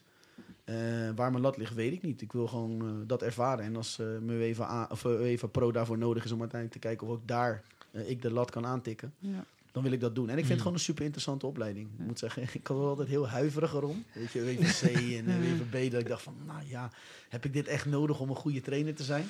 Maar ik moet zeggen, bij UEFA heb ik wel ervaren van, eh, het is pittig, want dat is echt veel stof. En ik heb zoveel boekwerken moeten maken in, die, in dat laptopje van me, dat ik echt bij mezelf denk van, man, man, man. ik had zoveel energie. Ik stond Ja. tot twee uur s'nachts achter dat ding. Maar ehm, Maar dan is pro heeft- nog lastiger, toch? Sorry. ja, oké, maar ja, weet je, het is uiteindelijk als je iets wil, moet je Moet het je doen. je, ja. ik, ik kan niet Op bij Ajax ja. gaan solliciteren met de WVA. Dan zeggen ze tegen me, ja vriend, kan niet. Nee. Weet je, je hebt het diploma niet. Dus je moet het nou eenmaal halen. Weet je, het is hetzelfde, ik wil zo graag auto rijden, maar je moet dat rijden. Ik hoef niet erin te geloven, maar, Ja. maar ik moet zeggen, WVA was dat wel echt. Het was echt, echt leerzaam, man. Leuke, hoe je met teams omgaat, eh, goede gesprekken, leuke mensen die voor de groep staan, mediatraining, al dat soort dingen, weet je, dat je ook echt dingen nu herkent als je mensen voor de camera ziet, dat je denkt, ach man, mediatraining, zeg wat je vindt, man. weet je. Dus ja, het, het is wel super interessant, weet je. Het, het is, ja, het, het verrijkt wel zeker je, eh, je kennis over het voetbal. Alleen, ja, het is... ehm, ja, ik denk dat je toch wel altijd dicht bij jezelf moet gaan blijven. En wanneer de- wil je eraan gaan beginnen, eh UEFA Pro? Ja, je moet sowieso twee jaar WVA hebben voordat je dat kan doen. Oh, ja. Maar ik denk ook dat het te maken heeft met waar je werkt. Ehm, ik denk niet dat ik als trainer van zwervers in de eerste klas me kan aanmelden... en dat ze mij zullen verkiezen boven een ex-prof die... Ja. Ze zijn best streng, toch? Want ze hadden volgens mij Snyder zelfs niet toe. Willen ze nou, niet? het grappige was, Snijders zat bij mijn groep. Oké. Ja. Alleen- WVA. Ja, Mm. maar wat ik had begrepen is dat... Ja, je Of hij wil het cadeau of zo, toch? Nou, Wat- het, wat was, was wat ik had begrepen. Hij kijk, vindt het te lang traject of zo voor Ja. Nou kijk, Maar- je moet echt wekelijks daar naartoe, Ja. naar Zeist toe. En, en je loopt ook nog stage. Mm. Ehm, en ik geloof dat hij gewoon een aangepast eh, maatwerk. Kijk, en ik snap dat wel, Mm. deels. Kijk, aan de ene kant vind ik ook gewoon om een goede trainer te zijn, moet je er gewoon aan werken. En vooral als je kijkt naar de falende trainers de laatste jaren. Ja. En dan is dat lastig om namen te noemen. Als je, ja, Frank de Boer komt als Ja. komeet, is eigenlijk niets meer van over. Nee, maar weet je, en eigenlijk allemaal van die leeftijdsgeneratie. weet je, het begon ook met Marco van Basten. Bam, als Ja. komeet. En het is eigenlijk helemaal niks meer. Dus je hebt dat best wel veel gezien de laatste jaren. Dus ik snap best dat de KNVB zegt van... hé luister, er moet gewoon goede structuur in gaan zitten. Ja. Want eh, wat, eh, ik luister ook die podcast van, eh dat ik je onderbreek, maar eh, die van eh Open Ah. visie. oh, Open Visie. En toen zei die, zo'n man zei ook van, eh, ja, je, je kan wel in, uh, eerste afval gaan doen, maar als jij nooit hebt geleerd, bijvoorbeeld bij een eh, onder 23 of bij amateurclub, want daar is eigenlijk ook hetzelfde. Daar moet je ook management kunnen verwachten en al die dingen. Je kan wel let training geven, maar uiteindelijk gaat het ook om... Ik, ik denk dat je het meeste leert bij een amateurclub. Want, ja. want je moet schakelen. Je, ik zat bij Rijnmond Vliet, wat echt van origine echt zo'n ja, aanhangers van Feyenoord zijn. En dan had je soms om... eh, in mijn eerste jaar had ik gewoon op donderdagavond kreeg ik twee uurtjes voor de training. Ja, train, ja, we gaan vanavond met z'n allen naar Feyenoord, want we hebben kaarten kunnen en, en, ik ben iemand, ik, heb, ik zei altijd, voor 12 uur wil ik weten of je er bent of niet. Want ik maak heel mijn training echt gewoon Ja. bijvoorbeeld afgericht op... eh, Jij bent minder met je linkerbeen, dus jij gaat dit doen en jij voor dit en dit. Mm. Dus ik had echt gewoon altijd mijn training waren helemaal uitgeschreven en ook gewoon echt per individu. Mm. En dan heb je gewoon vier mensen die zeggen, ja, ik ben er vanavond niet. Dat je denkt, hè? Helaas. Heel die training ken weg, weet je? Oh. Dus ja, dat zijn wel dingen, dat, eh, ja, dat is lastig. Maar je leert wel heel flexibel zijn. Je leert schakelen, maar je leert ook met mensen omgaan. Het is, kijk, het mooie van amateurvoetbal is, en vooral top amateurvoetbal, het is tastbaar. Weet je, kijk, bij Feyenoord, je zit gewoon op je stoeltje. Je kan de voorste stoel hebben, maar er zit nog steeds een gracht tussen. Je raakt aan de slot niet aan. Je kan zeggen, hey, eh, klootzak, of weet ik veel, als je wat doet. Het raakt hem ook niet. Nee, maar bij het amateurvoetbal, weet je, er staan mensen met een biertje gewoon achter je dugout. En die zeggen gewoon, hey, trainen dit en trainen dat. En daarna ben je in de kantine, hey, trainer, ik vind dit. Ja. Dus je bent heel tastbaar. Mm. En eh, dat zorgt er wel voor dat je ook heel erg moet schakelen daarin. Heel erg moet omgaan met mensen. Mensen, ja. En ik denk dat dat wel heel erg belangrijk is. Ook uiteindelijk met omgangsspelers en uiteindelijk op je een ander niveau. Maar ik denk wel dat een Wesley Sneijder, kom op man. eh, record international. eh, Ja. Alle wereldtrainers gehad. Ja. Dus ik snap, wil niet zeggen dus dat hij een wereldtraining is, trainer is. maar ik snap wel dat als je voor zulke soort spelers maakt maatwerk. En aan de andere kant, heel simpel. Eh, er zijn maar een beperkt aantal plekken van mensen die echt graag willen. Kijk, ik wilde echt graag. Ik heb daar ook drie jaar voor moeten, moesten solliciteren bij de KNVB. Eerst twee jaar word je niet aangenomen. het kost je gewoon geld om daar eh, om, om je in te schrijven. En als je echt graag wil en je hoort uiteindelijk van ja, een ex-prof is toegelaten. Je hebt toch altijd een beetje in je hoofd van, ah ja, daarom. Mm. En dat is misschien helemaal niet zo, hè? want iedereen komt netjes op gesprek. En ik heb nu ook van dichtbij gezien dat de KNVB gewoon echt gewoon een hele strenge selectieprocedure Oh. heeft. Maar pik gewoon die profs eruit en laat hun een ander soort cursus doen. Mm. Weet je wel, hetzelfde inhoud, maar vul het anders in. Omdat ik denk, hun hebben zo'n andere perceptie Ja. van hoe dat gaat. En dan heb je nog steeds verschil hè, met jongens die eerste divisie hebben gespeeld... Ja. of jongens die Champions League hebben gewonnen. Dat is wel even een verschilletje. Ja. Maar ik snap best dat je voor Van Persie, voor Snijder... dat je zegt van, ja, weet je, Mm. dezelfde cursus... maar we gaan het wat meer één op één Ja. met jullie doen. Waar loop je tegenaan? En, en dat soort dingen. Ja. Mm. En ja, voor Gewoon een mij... soort waardering dan eh, voor wat ze Een hebben, voor een wat ze hebben, bij- wat ze hebben bereikt. Want Ja, ik, geloof, ik geloof wel van dat je, omdat je profvoetballer bent, dat je niet per definitie gelijk een goede coach bent. Daar geloof ik wel. 100% Daar geloof ik niet. wel En ik denk zelfs dat deze tijd dat uitwijst. Als je kijkt, de jonge trainers die doorbreken, ook in andere landen, zijn vaak gewoon trainers die niet eh, Champions League hebben gespeeld. Ja. Of hebben gewonnen. Of kampioen zijn geworden in hun land. Maar het zijn mensen die toegewijd zijn aan hun vak. En het Ja. trainersvak is veel breder geworden Ja. dan een juiste opstelling maken. Nee, Je precies. bent bezig met data, je bent bezig met videoanalyse, je bent bezig met heel veel persoonlijke gesprekken. staf. Je bent een Ja. hele staf aan het aansturen. En terwijl als speler, je kwam binnen, je pakt je schoentjes, je pakt je trainingskleding, je traint anderhalf uur, gaat de sauna in en je gaat naar huis. Ja. En je bent totaal niet bezig Mm. met wat er allemaal op de achtergrond speelt. is niet jouw verantwoordelijkheid. Jij moet gewoon je ding doen op het veld en that's Nee, dus- Maar die trainer moet rekening houden Ja. met iedereen. Dus Ja. ik geloof wel in maatwerk. Alleen ik geloof er ook in dat ze wel kritisch moeten kijken naar wie laten we wel toe, wie niet. Want er zijn gewoon ex-profs die, ja, dat is gewoon hun paycheck. Weet je, je hebt gewoon een paar van die gasten, dat zie je ook in het amateurvoetbal. En eh, uitzondering daar gelaten. En met alle respect, want je weet hoe dat gaat. Maar er zijn gewoon een aantal trainers die hebben gewoon hun centjes verdiend in voetbal. Die hebben eigenlijk geen ander kunstje. Dus die halen maar vanwege hun Ja. eh, carrière halen ze een diplomaatje. en die gaan tot hun zestigste gaan ze voor een club staan. Waar ze echt alleen maar op naam teren. Ja. En ik denk dat de jonge trainers ze aan het inhalen zijn nu. En dat is denk ik wel, Oh, eh, mooi. wel iets moois. Maar, maar merk je ook bijvoorbeeld eh, qua eh, landen dat er verschil is met Nederland? Bijvoorbeeld in, buiten, in Duitsland zie je meer jonge trainers krijgen kans Mhm. om een eh, BVO-club te leiden. Andere en- mindset denk ik daar. Ja. Denk ik echt. Ik denk dat daar... maar langzaam komt dat hier ook wel, hè. Mhm. Merk ik wel. Dus, eh, dus ja. Ja, mooi. Ehm, ja, als je dan nog even kort samengevat jouw trainingscarrière. ehm, heb je het gevoel dat je nu al zeg maar, op een piek zit? Of heb je steeds van, nou, ik begin nu net en ik ga dadelijk echt eh, Ik- over een paar... Ik voel het als een begin. En dat heeft echt te maken dat je nu iets meer in een omgeving komt waar je echt kan werken met wat je wil. Dus ehm, het is wat makkelijker om tactische wijzigingen door te geven. Dat jongens toch iets meer het snappertje hebben om dat sneller op te pakken. Ja. Ehm, dus dat gevoel heb ik wel. Het is ook meer het niveau waar je zelf hebt gespeeld. Dus waar je zelf ook hoe je zelf over dingen denkt. Dus ehm, ja, ik, ik zie het als een beginstap. En eh, waar het uiteindelijk gaat eindigen, dat zie ik wel. Maar ik ga er wel alles aan doen om eh, zo ver mogelijk te komen. Ja, mooi. We gaan, Nice. nu, we gaan nu over naar de actualiteiten. Ehm, nou, we beginnen bij de eredivisie. Eh Twente heeft vandaag tegen Feyenoord gespeeld. Feyenoord staat eerste. Twente staat uit mijn hoofd vijfde, Derde toch? derde. Moest factchecken dus inderdaad. Ja, Ah, moest Ajax staat vijfde. Oh, oh ja. PSV heeft gewonnen. dacht ik gisteren. ja maar, PSV gewonnen 2-0, ja. maar ze hebben wel dus gelijk gespeeld, Feyenoord. Ehm, hebben jullie de wedstrijd gezien? Eh, ja, niet, niet alles, maar eh, ik zag wel dat Feyenoord uh, het tweede af wel moeite had met eh, Twente, want ze gingen veel drukken. Toen kwam die gelijkspel. Eh, maar eh, ja, ik, ik had gezien dat Feyenoord graag wel meer had moeten winnen, want ja, volgende week tegen PSV wordt wel lastig. Ja, want wat- waar de- hoe komt dat dan, denk je? Want ze staan eerste, eh, ze hebben een hele goede trainer.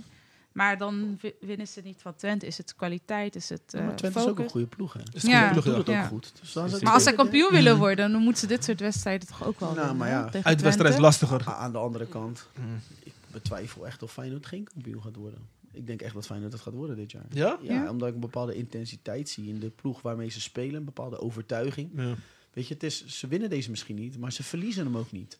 Nee. Vorige week Ajax ook. Ze verliezen hem in ieder geval niet. Waar voorheen, als Feyenoord was beter was dan Ajax in de Kuip, dan dacht je altijd van, ja, weet je, dat zou je zo zien. Vrij trappie, cornetje, hup, Ajax wint. En dat, dat, dat gevoel heb ik niet meer bij Feyenoord als ik er Mm. naar kijk. En ik vond de eerste helft was al mooi om te zien. Eh, beide ploegen zijn heel vergelijkbaar aan elkaar. Hè? Ze Zeker, spelen beide met intensiteit, willen hoog vastzetten. Mm. Dus je zag ook echt dat op het middenveld werd bijna niet gevoetbald. Het was heel snel om de organisatie voor overheen. Ja. En daardoor zag je dat beide ploegen in een gigantisch tempo speelden. Want dat is wel een leuke wedstrijd Ja, om te kijken. Mm. Alleen ik had echt het gevoel toen Feyenoord voorkwam en eigenlijk de eerste paar minuten ook na rust, toen Feyenoord Mm. sterk uit de kleedkamer kwam, ik dacht van zo. Als Feyenoord deze wint, Mm. volgende week eigenlijk Ja. dan alleen PSV. Als ze die winnen, Ja, ik dat denk serieus, Ja. dan, dan is het gewoon, dan Ja. gaan ze gewoon naar die titel toe. En Dus ja, uiteindelijk die goal viel, die 1-1. Mm. Maar eh, ja, ik zeg eerlijk man, ik ben wel onder de indruk van wat Feyenoord af en toe laat zien. Ja. Ik kijk er ook graag naar. Maar vond je niet dat ze... Ik heb die wedstrijd ook gezien. Vond je niet dat Feyenoord, vooral in die counters die ze kregen... als ze wat rustiger zijn bijvoorbeeld... of wat beter om hun kijken, dat ze meer eruit konden halen? Ja, Feyenoord speelt natuurlijk op de counter. Hè? Ja. Ze, ze, ze houden het heel compact en ze wachten op die foute paas. En dan zie je echt, dat zag ik ook bij die goal trouwens. Die lange bal opgepakt en binnen vijf seconden staan ze met vier man in de 16. Ja. Ehm, die, die, ja, die, die snelheid die daarin zit, dat is, er zit echt gif in, man. Ja. En alleen wat, wat ik denk is dat de intensiteit, en dat zie ik ook bij mijn ploegen terug. Wij spelen ook met die intensiteit. Wat uiteindelijk gebeurt is, er komt twijfel van de ploeg zolang er niet die tweede goal gemaakt wordt. Ja. En dat blijft bij Feyenoord soms Ja, die- te lang uit Ja, die tweede goal. En dan blijf je wel energie Ja. leveren, leveren, leveren.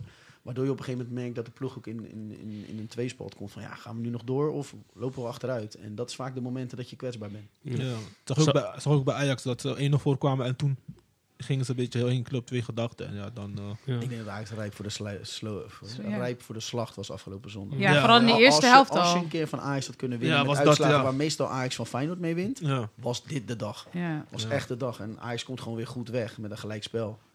Ehm maar ja, ja, daarom sluit ik Ajax ook gewoon niet uit. Ja. ja, weet je, eerlijk, nu is Feyenoord gelijk gespeeld. Als Ajax wint, ik weet niet wat het staat nu tegen Excelsior, maar, staan nu vijfde, 34 punten. Ze maar hebben- de stand... Ze hebben Gewoon- 4-1 gewonnen. Ze hebben vier- Van ja. bedoel ik. Dus Excelsior. nu nog maar zes puntjes met Feyenoord. En je Ja. krijgt Feyenoord nog een keer. Ja. Weet je, het, en ik spannend moet eerlijk worden. zeggen, ik heb een kwartier van Ajax net gezien. En ik heb Ajax echt zien voetballen zoals je a- graag Ajax wil zien. Mhm. En dat heb ik dit half jaar gewoon niet gezien. Het was Ja. echt eh, onherkenbaar af Ja. en toe. Ja, want Ja. Schreuder is nu ontslagen. Maar ik- Uh, ja. Heitinga staat nu voor de, voor de groep. Mhm.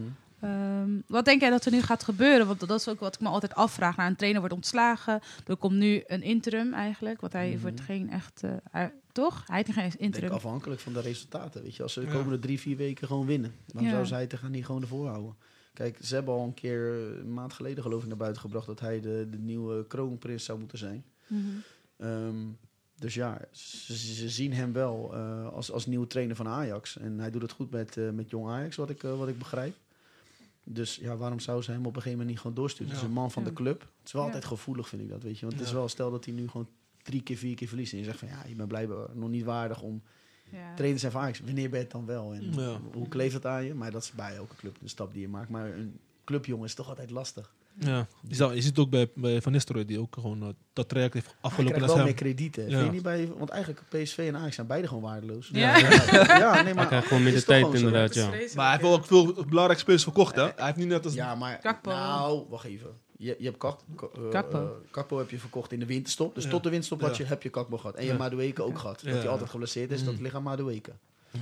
Of hij traint wel heel... eh, maar die is ook bij... Die vorige trainer was hij dat ook. Ja. Dus hij is twee spelers kwijtgeraakt. Ja. Heb je gezien wat Ajax kwijtgeraakt is deze zomer? Toen Schreuder opnieuw ja was in. acht spelers, Waarom ook nog eens een van de beste spelers op je laatste dag. Ja. Weet je, dat je ook geen vervanger kon halen. Ja.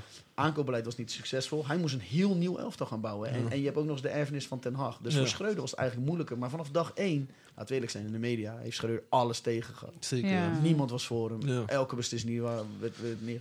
Tuurlijk, hij zou ook zelfs zijn fouten hebben gemaakt. Hè? Ja. Ik hoorde laatst in een interview dat hij zei... ja, de eerste weken had ik het aan mijn assistent gegeven. Dat ik denk van, vriend, je staat voor de grootste club in Nederland.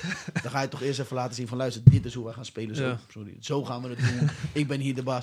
Nee, ik ga het eerst aan mijn assistenten geven... en ik ga een beetje achterover zitten. Ik denk van, nou, dat zou ik dus echt nooit doen. Dit, dit, dit Mm. is de job voor jou. Hè? De kans. Dus dat vind ik wel, vond ik een aparte, apart om te horen in ieder geval. Maar ja, Mhm. dan zie je dus ook dat langzaamaan blijkbaar de spelers de macht hebben gegrepen binnen zo'n kleedkamer. En ja, dan, dan ben je zo kwetsbaar. En ook naar de achterban toe. In die situatie met blind. We weten allemaal niet precies wat er is gebeurd. Ja. Maar ja, Maar die spelers zijn ook niet altijd eerlijk, hè. Want als je kijkt van... Uiteindelijk moeten zij het doen op het veld. Ja. En ze waren gewoon super slecht, weet je Ja. wel. En dan, en dan, kan je wel, dan kan je wel grote meneer gaan uithangen in de kleedkamer. Dit en dat, met dingen gaan roepen niemand of zo, weet ik slechtere wat. zelfreflectie als een speler. Ja, op, dus- Even serieus. Ja, en, en die trainer wordt ook... weggestuurd. Ik kreeg dingen naar mijn hoofd. Ja, je hebt weggestuurd omdat hij donker was. Hè? Maar ook, maar ook van... van serieus. Ik zeg, maar- heb je mijn vrouw gezien? Ik wil mijn selectie. Dus waar heb je het over? echt, hè. Ja. Ja, maar echt, gewoon, en, en gewoon niet eerlijk zijn. Maar gewoon, weet je, zeg gewoon eerlijk waarom je wegstuurt bent. Want Ja. ik onderbouw het gewoon. Ik ben liever eerlijk en een klootzak dan Mm. dat ik met mooie verhaaltjes bij je kom. Weet je, en dat is met dit ook, weet je. Daily Blind uitzicht nu in de media. Is het verstandig om te Ja. doen? Want Want Ja. als je eerlijk bent, hij heeft ook gewoon wedstrijden gespeeld dat je Slecht. dacht van, wat Mom, doe je allemaal, weet Je je wel. kan nog zo de beste paas zijn in de Eredivisie, maar Ja, je maar je- goals ja, precies. ja, Dus ergens, dan, ergens eh, ligt balans. Ja. Ja. Dan kan je wel boos gaan doen. Maar je kan Ja. ook gewoon eerlijk naar jezelf zijn. Ik hou mijn mond en ik ga gewoon hard trainen. En dan Ah, volgende ja. keer beter doen. Wat ik apart wel vind, is dat Ajax kiest voor trainers nu. ehm, waarvan ik soms wel heb als ze voor de camera staan. Dan denk ik, oeh, ongelukkig zeg. Schreuder ook, hoe die voor de camera stond. denk ik, oeh, ongelukkig. Ja. En eh, dat dat Ten Hag natuurlijk ook wel een beetje in het begin. Ja. In het begin was ook niet alles koek en ei Ja. bij Ten Hag. Dat ja, kwam later pas. klopt. Ja. Ja, ja, ja. dat ik denk, oké, en als ik dan Arne Slot voor de camera zie en die doet lekker met een glimlach en die lacht een beetje doorheen, dat ik echt denk van, die staat zo ontspannen voor die camera, die is helemaal in control. Ja. En ik denk dat je dat ook uitstraalt naar je groep. Van, Maar vind je niet dat, dat ze Schreuder misschien wat meer eh, zijn rug- rug- aangepakt. rugdekking hadden moeten geven? Want dat kreeg, dat kreeg dingen wel. Want Ten Hag in het begin was ook niet zo, hè? Toen hij pas begon, weet je wel. Mark Overmars is Ja, snap je? Maar dat had Schreuder nu Ik- niet, ik weet denk je wel. dat, eh, kijk, wat lastig is, en ik kan daar niet over oordelen, want ik zit daar niet. Maar ehm, wat gewoon voor een trainer super belangrijk is, en dat merk ik ook op ons niveau. TC is echt zo Mhm. belangrijk. Je moet een technische commissie hebben met voetbal know-how, Mm. met rust, die niet in paniek raken, die zien wat je aan het doen bent. Ja. Dus niet alleen kijken naar je resultaten, maar ook kijken waar je mee bezig bent. En zich ook uit durven spreken daartoe. Ehm, ik denk dat dat super belangrijk is. En ik denk dat dat misschien wel een beetje gefaald heeft bij Ajax. Dus ik heb nooit het gevoel gehad dat ze overtuigd waren van de keuze die ze hebben gemaakt op Schreuder. Tenminste, ik, ik heb nooit een interview van Ja. Huntelaar gezien daarover. Van de Sar. Van de SAR niet. Ehm, ik denk dat dat... En Overmars, heel eerlijk, die werd zo vaak voor die camera geroepen. Maar alles wat Overmars zei, weet je, ze konden wel eens lachen over hoe die dingen zei. Maar helemaal, ik vind het gewoon duidelijk wat hij Mm. zegt. Hij, Ja, sta- hij hij is gewoon echt ergens Hij is gewoon Dit is gewoon wat wij gaan doen. Ja. Klaar. Zo doen we dat. Mm. Mm. Dus En, ja. en Feyenoord heeft nu hier geluk met, eh, met Slot. Wat je zegt, die verwoordt echt alles goed. Ja, Gewoon. Mm. Hij Hij legt zit gewoon... ook ontspannen, weet je. Hij voelt geen druk. Kan ook eigenlijk niet, want vanaf het moment dat hij er zit is alles goed gegaan. Mm. Dat is wel eerlijk gezegd zo. Maar ook Ja. wat hij zegt, is, daar zit gewoon logica Ja. in. Hij legt gewoon goed uit en zo, weet je wel. Ja. Er komen geen vragen meer.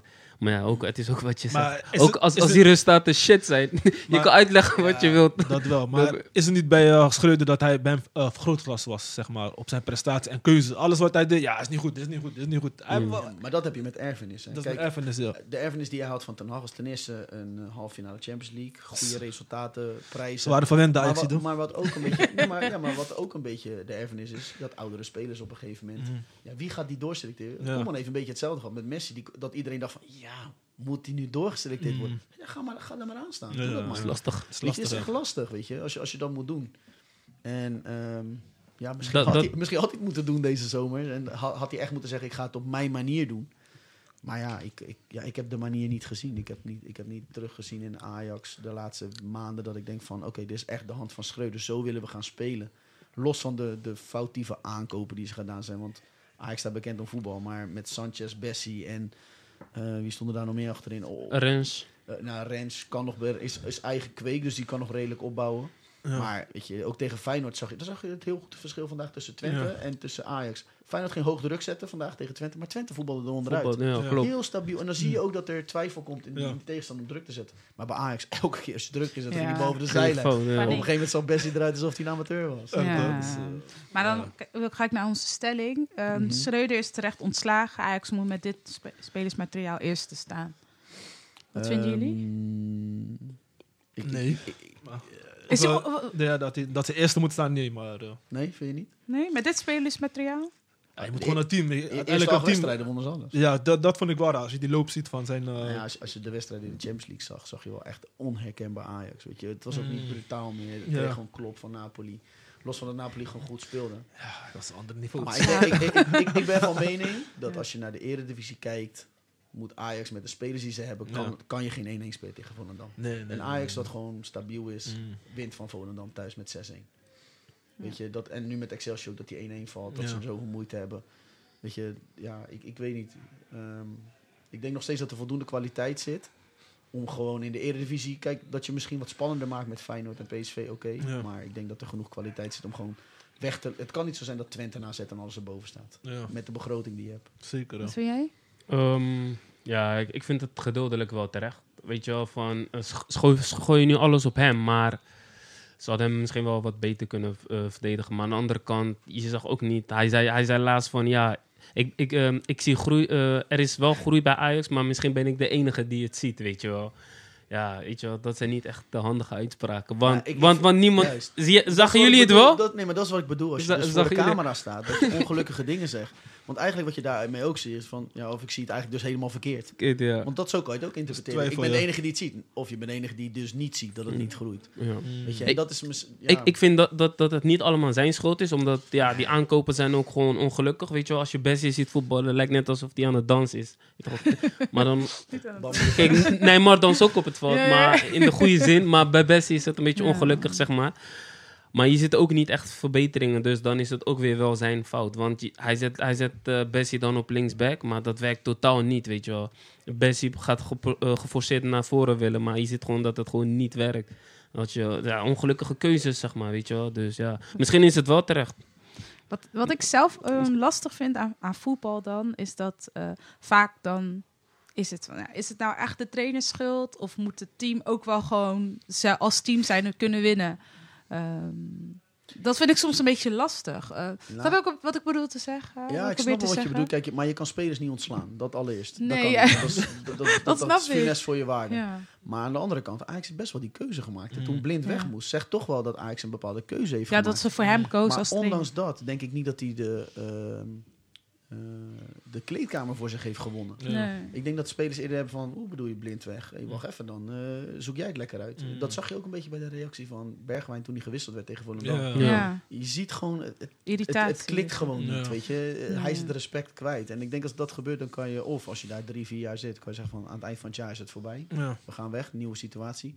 Maar in zijn situatie, het was bijna ook onhoudbaar. Ik had echt, ja, je weet het niet, omdat je er niet zit. Maar als ik kijk ernaar, had ik niet het gevoel dat de spelers nog echt voor hem door het vuur gingen. Geloofde in hem. En, en maar we- eh, Bergwijn, het begin van het seizoen, ik dacht echt, wat, komt, wat zoek jij in de Eredivisie, weet je wel. Maar nu, Bergwijn is alleen gekomen voor de Champions League. Voor de Champions League. Weet je, je gelooft toch niet dat spelers naar de Eredivisie komen om uit te spelen bij Volendam en uit te spelen. ja, dat, dat, dat, dat, dat, dat laat Nee, hij heel goed zien. Want ik zie hem echt, eh, Maar, misschien dat het de laatste wedstrijd wat beter gaat, maar, daarvoor dat was heeft het niks. te maken met het speelwijze. Kijk, je hebt nogmaals, je, je, je hebt die erfenis van Ten Hag, waarbij Tadic het meeste rendement heeft op links. Ik vind wel, je moet het in perceptie zetten, want dat zegt niemand op tv. Maar als jij alle penalties neemt, alle corners en Ja. alle vrije trappen, dan waarschijnlijk van die corners en vrije trappen zitten er zeker wel 6, 7 assists tussen. En van die penalties zitten er ook 6, 7 goals tussen. Dus dan ga je statistieken vliegen sowieso heel snel omhoog. Mm. Ja.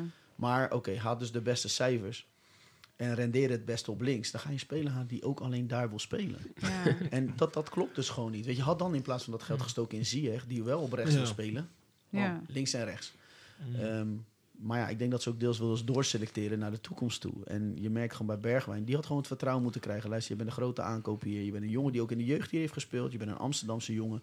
Jij speelt op links, daar voel jij het prettigst. Jij bent ook nog eens waarde voor de toekomst. Want als jij twee, drie jaar goed speelt, kan je weer voor 40, 50 miljoen verkocht worden.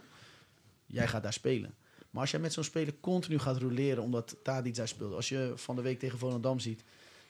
Je, kon ze alle elf wel wisselen. Maar dan wissel je Ah, precies een weer speler. En één ja. iemand laat je staan waarvan je eigenlijk al weet. Oh ja, die blijft toch altijd wel staan. Hoe slecht hij ook speelt. Ja. Mm. En ik denk dat op een gegeven moment spelers dan van het veld lopen van... "Eh, deze trainer, weet je, laat lekker zitten. Want die snappen toch geen reet van. Of hij, ja, hij, hij durft gewoon niet. Ja, maar dat gaat Maar- ook in je kopje zitten. Dus dan speel je ook niet lekker. Hij heeft ook geen lekker WK gespeeld. Ja, het- ze hebben ook een Wijndal gehaald. En dan is, gaat Blind weg. Eh, Mhm. En dan zet, ze, zet die Wijndal niet in de basis. Ja, Dat vind ik dan weer... Ja, ik vind het leuk als ik dit soort discussies hoor. Omdat je vaak te maken hebt met... Je weet niet wat er in zo'n kleedkamer gebeurt. Nee, nee. Dat Weet je, ook met, ja, waarom blind? Zeg, hoe kan, je weet niet wat er in de kleedkamer Ja. gebeurt. Je weet niet hoe, hoe jongens met elkaar hebben gecommuniceerd. Je weet Ja. niet hoe jij en de trainer hebben gecommuniceerd. Ja, maar het, het is wel raar, toch? Dat hij bij AZ gewoon echt goed Ja. speelde, Nederlandse elftal. En nu zit hij zit- linksback. Nu zit hij op de bank. Nee, maar stel dat jij een speler hebt, die heb je gekocht. Ik weet niet voor hoeveel die gekocht is. 10 miljoen of zo. Ehm, maar die komt dus binnen en die is 5 kilo te zwaar. Mm. Bijvoorbeeld. Ik zou me als trainer zou ik hebben van even serieus. Je maakt een stap naar boven. Je moet Ja. er staan. Je bent te zwaar. Hoe kan dat? Mm. Misschien traint hij ook nog eens half. Weet je, doet er niet alles voor. Wij, wij weten dat allemaal niet, want wij kijken daar niet. Ja. Maar hij ziet elke dag dat. Maar dan kom je weer terug op die communicatie van... Laat dan weten wat er aan de hand Ja, maar is. dat is het. Weet je, het is je. ehm, Ja, je kan niet je, alles je kan na- niet naar buiten je kan niet alles naar- Want het, is nog steeds, het kan ook gewoon waardeverminderend zijn. Stel dat zo'n speler, ik zeg maar voor 5 miljoen is gekocht Mm. en ze willen er 15 miljoen voor krijgen. Ja. Als jij dan de media zegt, ja, maar ja, die komt te dik hier binnen. Dan zeg ik er wat van, krijg ik een grote mond. Eh, Ja, weet kan je niet verkopen. vijf keer langs de Nee, dat, saladebar. dat, dat, dat is waar. Maar, Dan maar, gaat nu, geen club koopt er meer. dat is waar. Maar nu heb je wel al die vragen. Dus dat is ook iets om te managen. Van waarom speelt hij dan niet? Ja, was, oké, ze zeggen dan hij levert niet. Maar of weet ik eh, veel wat. Guardiola zei Hij ook over een speler, eh, Ja. die Kevin, Kelvin Phillips. van, Hij is ook een paar kilo aangekomen. En daarna, een paar weken daarna is hij weer fit. Dus ja, het is goed. Ja, Is, is niet ook wel zo, handig is, maar ja. je weet ook niet hoe dat gaat. Misschien in feite tegen Philips en luister vriend, als jij in dit elftal wil spelen, moet je fit worden. En die is keihard gaan trainen. Ja, Alle respect voor Ja. als, als trainer naar de speler toe. ja. Maar je hebt ook van die jongens die zeggen, ah, trainen joh, drie weken ben ik er wel. wel. Weet je, als je met die mindset gaat en jij komt er als nieuwe trainer en je denkt, ja, ik wil de Champions League winnen, ik wil alles winnen. Dan denk je, dit soort jongens, dat ga je tegenstaan. Weet je, dat, dat is gewoon zo. Mm. En ik, ik denk ook dat dat daar zit. En dat was hetzelfde met Blind. Hij had gewoon een aantal spelers daar, zat hij gewoon niet mee. En ja, als je dan Bessie neerzet, zoals tegen Volendam weer, dat je denkt van, kom op, Ja. dat kan gewoon niet. Maar, je? maar dat, maar, eh, als trainer, zou jij hem als linksback zetten? Altijd centraal Bessie. Sterker nog, ik had net nog over hier bij jullie. eh, ehm, toen zei ik ook, ik zeg, eh, vandaag tegen Excelsior speelde Alvarez samen met Timber in het centrum. Dat ik denk van, daar kan Bessie ook spelen. Bessie vergelijk ik een beetje met Sanchez, die Ajax toen heeft Ja. gehad, die toen naar Tottenham ging. Ja. Sanchez kon ook niet opbouwen. Dat eh ding is, hoe heet die, eh, Mourinho nog zei in die finale van, ja, Ja. we lieten lekker eh, hem aan de bal, want die kon er niks van. Ja. Martinez hij- bedoel je toch? Martinez. Nee, Sanchez. Sanchez is naar Tottenham. Die, Oh, oh, Colombiaanse jongen die Hij is, toen naar, hij is bij Peter Bos. Ja. maakte hij Hanekamp. transfer. Ja, ik weet het Een wel. lange, grote, donkere jongen ook. Ja, was ja, dat. ja. En, eh, Die speelt nu nooit, die speelt niet meer eigenlijk, hè? Colombiaan is hij volgens mij. Hij Ja, speelt voor mij in heel weinig. speelde hij nog wel hoor, daar Ja. bij, bij Tottenham. Maar weet je, dat is, ik denk dat hij dat ook kan. Dus juist in de wedstrijden waar Ajax vaak dan weer alleen op voetbal het niet kon winnen, dan is het wel lekker als je zo'n jongen Ja. hebt. Want hij was wel snel. En in het begin van seizoen oogde hij ook veel fitter dan nu trouwens. Ja, ja. Nu lijkt het alsof hij minder fit is. Ik weet niet of dat komt door die WK tussendoor. Maar hij kan wel echt gewoon verdedigen centraal. Als je Timber Sterk, ernaast snel. hebt en je hebt Wijndal die gewoon kan opbouwen. En je hebt Rens op rechts. Dan heb je drie van de vier die kunnen opbouwen. Ja. Maar nu tegen Feyenoord speelde je met Sanchez, die er echt gewoon niet kan opbouwen. Ik snap echt niet waar die Ja. vandaan komt. Bessie die niet kan opbouwen. Nee, maar dus... je Met- staat- Ja, het is vreselijk. dus je staat continu onder druk. Ja. Ja. maar. Dan ga je lange ballen spelen. Nou, dat hoort Ja. ook niet bij jou als, als identiteit. Ja. Dus je verliest daar ook bal. Ja, dan verlies je overal op het Ja. veld de slag. Ja. Ja. En ik denk dat Bessie echt wel bij Ajax kan spelen. Alleen dan gewoon op zijn positie links, centraal. Zo min mogelijk aan de bal en zo snel mogelijk inleveren bij iemand met hetzelfde shirtje aan. Als hij naast iemand als Trauner of zo zou staan, dan zou hij bijvoorbeeld heel erg goed geholpen worden. Omdat Ja, hij de overzicht heeft, die kan goed, of Timber, ja. Niemand kan Ja. beter opbouwen dan Timber. Die heel goed kan coachen. En, en klaar, weet je. En dan links iemand die ook kan opbouwen, zoals bijvoorbeeld ook een blind kon. Maar blind heeft ook gewoon niet thuis gegeven het eerste half jaar. Ja. Ja. Dus dat is, dat is wel een fout van uh, Dus ik weet niet of- Schreuder, Ja, eh, Schreuder, geweest. ja, geweest, sowieso. eh. Ja, maar ik weet niet of Bessie het niet gaat redden bij Ajax. Het zou zomaar kunnen dat hij het redt, alleen in een andere soort, andere rol en met andere Ja. jongens om hem heen. Ja. Maar dit zoekende Ajax, daar zoekt hij ook. Ja. Ja. Ja, Hij dat- heeft eigenlijk gewoon een eh, ervaren speler naast hem nodig die hem Ja, misschien nou, kan hij moet ook zijn taken gewoon simpel houden. hoe Hij oud moet is niet hij? eh, te veel met de bal willen doen. Bessie. 22. Hij is best nog Zo is jong. ook nog jong, ja. Wil je nog een factchecker? Of, eh? Nee, eh, ja, ik denk wel zoiets. eh, hij ziet er wel jong uit. Nee, ja, mooi. We zullen zien eh, met Ajax. Eh, nou, we komen eigenlijk aan het eind van, de, van deze aflevering. Ehm, ik wilde nog af, als afsluitende vraag aan je stellen waar je jezelf ziet over tien jaar. Of waar je Ehm, jezelf wilt zien. zeg maar. Ik denk wel over tien jaar volledig wil ik in het voetbal actief zijn. Dat wel. Dus echt gewoon eh, alleen echt voetbal. Ehm, ik wil, hopelijk ben ik dan ook in bezit van UEFA Pro. En ja, waar dat dan is, dat weet ik niet. Mag binnenland zijn, mag buitenland zijn. Portugal zou fijn zijn. FC Porto. Benfica. Nee, maar- mij maakt dat op zich eigenlijk niet zo uit. Maar ehm, ja, ik, ik wil gewoon kijken waar mijn lat ligt. En eh, weet je, ik ben blij met positieve geluiden rondom mijn persoon. Alleen ja, ik, ik, ehm, ja, ik ga gewoon hard werken en ik zie het wel. Ik kan niet zo echt zeggen waar dat zal zijn. Maar ehm, ja, of het top amateur uiteindelijk wordt... of dat het misschien wel bij, bij een BVO is, dan eh, graag. Ja, mooi. Nice man. Kom ik dan wel terug. Yes. Ja, toch. Dan, eh, hoe vond je de opname? Gezellig man. Ik moet zeggen dat ik heel erg eh, verbaasd was over dat jullie echt letterlijk eh, zelf hier op die eh, dingetjes blazen. ik dacht dat is gewoon geen of andere tune die erbij wordt gespeeld. Maar jullie staan zelf hier mooi op toeters en bellen te slaan. Dus dat is eh, wel mooi om te zien. Original. En, ja, maar, maar zeker. Nee, maar wat jullie doen is leuk. Ik, vind, Ja. ik meen het serieus. Ik, ik zei het ook eigenlijk voor de opnames al. Ik, ik luister graag naar podcasten. Ehm, maar het is altijd heel formeel. En ik vind jullie heel persoonlijk. Dus dat is wel leuk. Jullie geven het ook gewoon terug aan de straat. En dat vind ik wel heel Mm. mooi. Weet je, het is heel, heel tastbaar voor iedereen. Weet je. Het is niet Ja. eh, de standaard eh, jongens die eigenlijk continu maar met een slot op hun mond praten. Ja, Iedereen is vrij om te zeggen wat jullie willen. Dus jullie moeten zeker hiermee doorgaan. Dit is eh, echt top hoor. zeker. dank Thanks man. En jij bedankt voor je tijd. Yes. Ehm, nou, we wensen jou nog veel succes bij je zwervers en ook in je verdere loopbaan. we komen zeker een keer kijken. Ja, zeker. Van wedstrijd. eh, is goed. Ja. Laat maar weten wanneer, dan zorg ik dat... Dan verwachten we wel die drie worden. punten daar. Nee, komen Skybox. zeker kijken. ja, we komen wel echt gaan kijken. En eh, ja, dan gaan we eigenlijk afsluiten, Sammy. Ja, en had je nog eh, kunnen nadenken over je nummer waarmee je het podcast wil afsluiten. Is een cabo-nummer.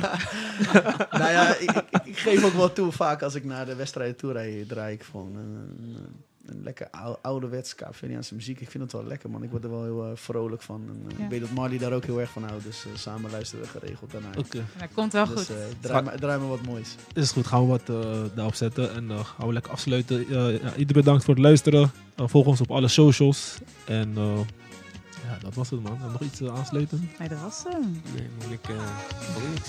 Yes. Nou, Bedankt Ciao. voor het luisteren. yes. Ciao. Tot, tot ziens. Doei doei.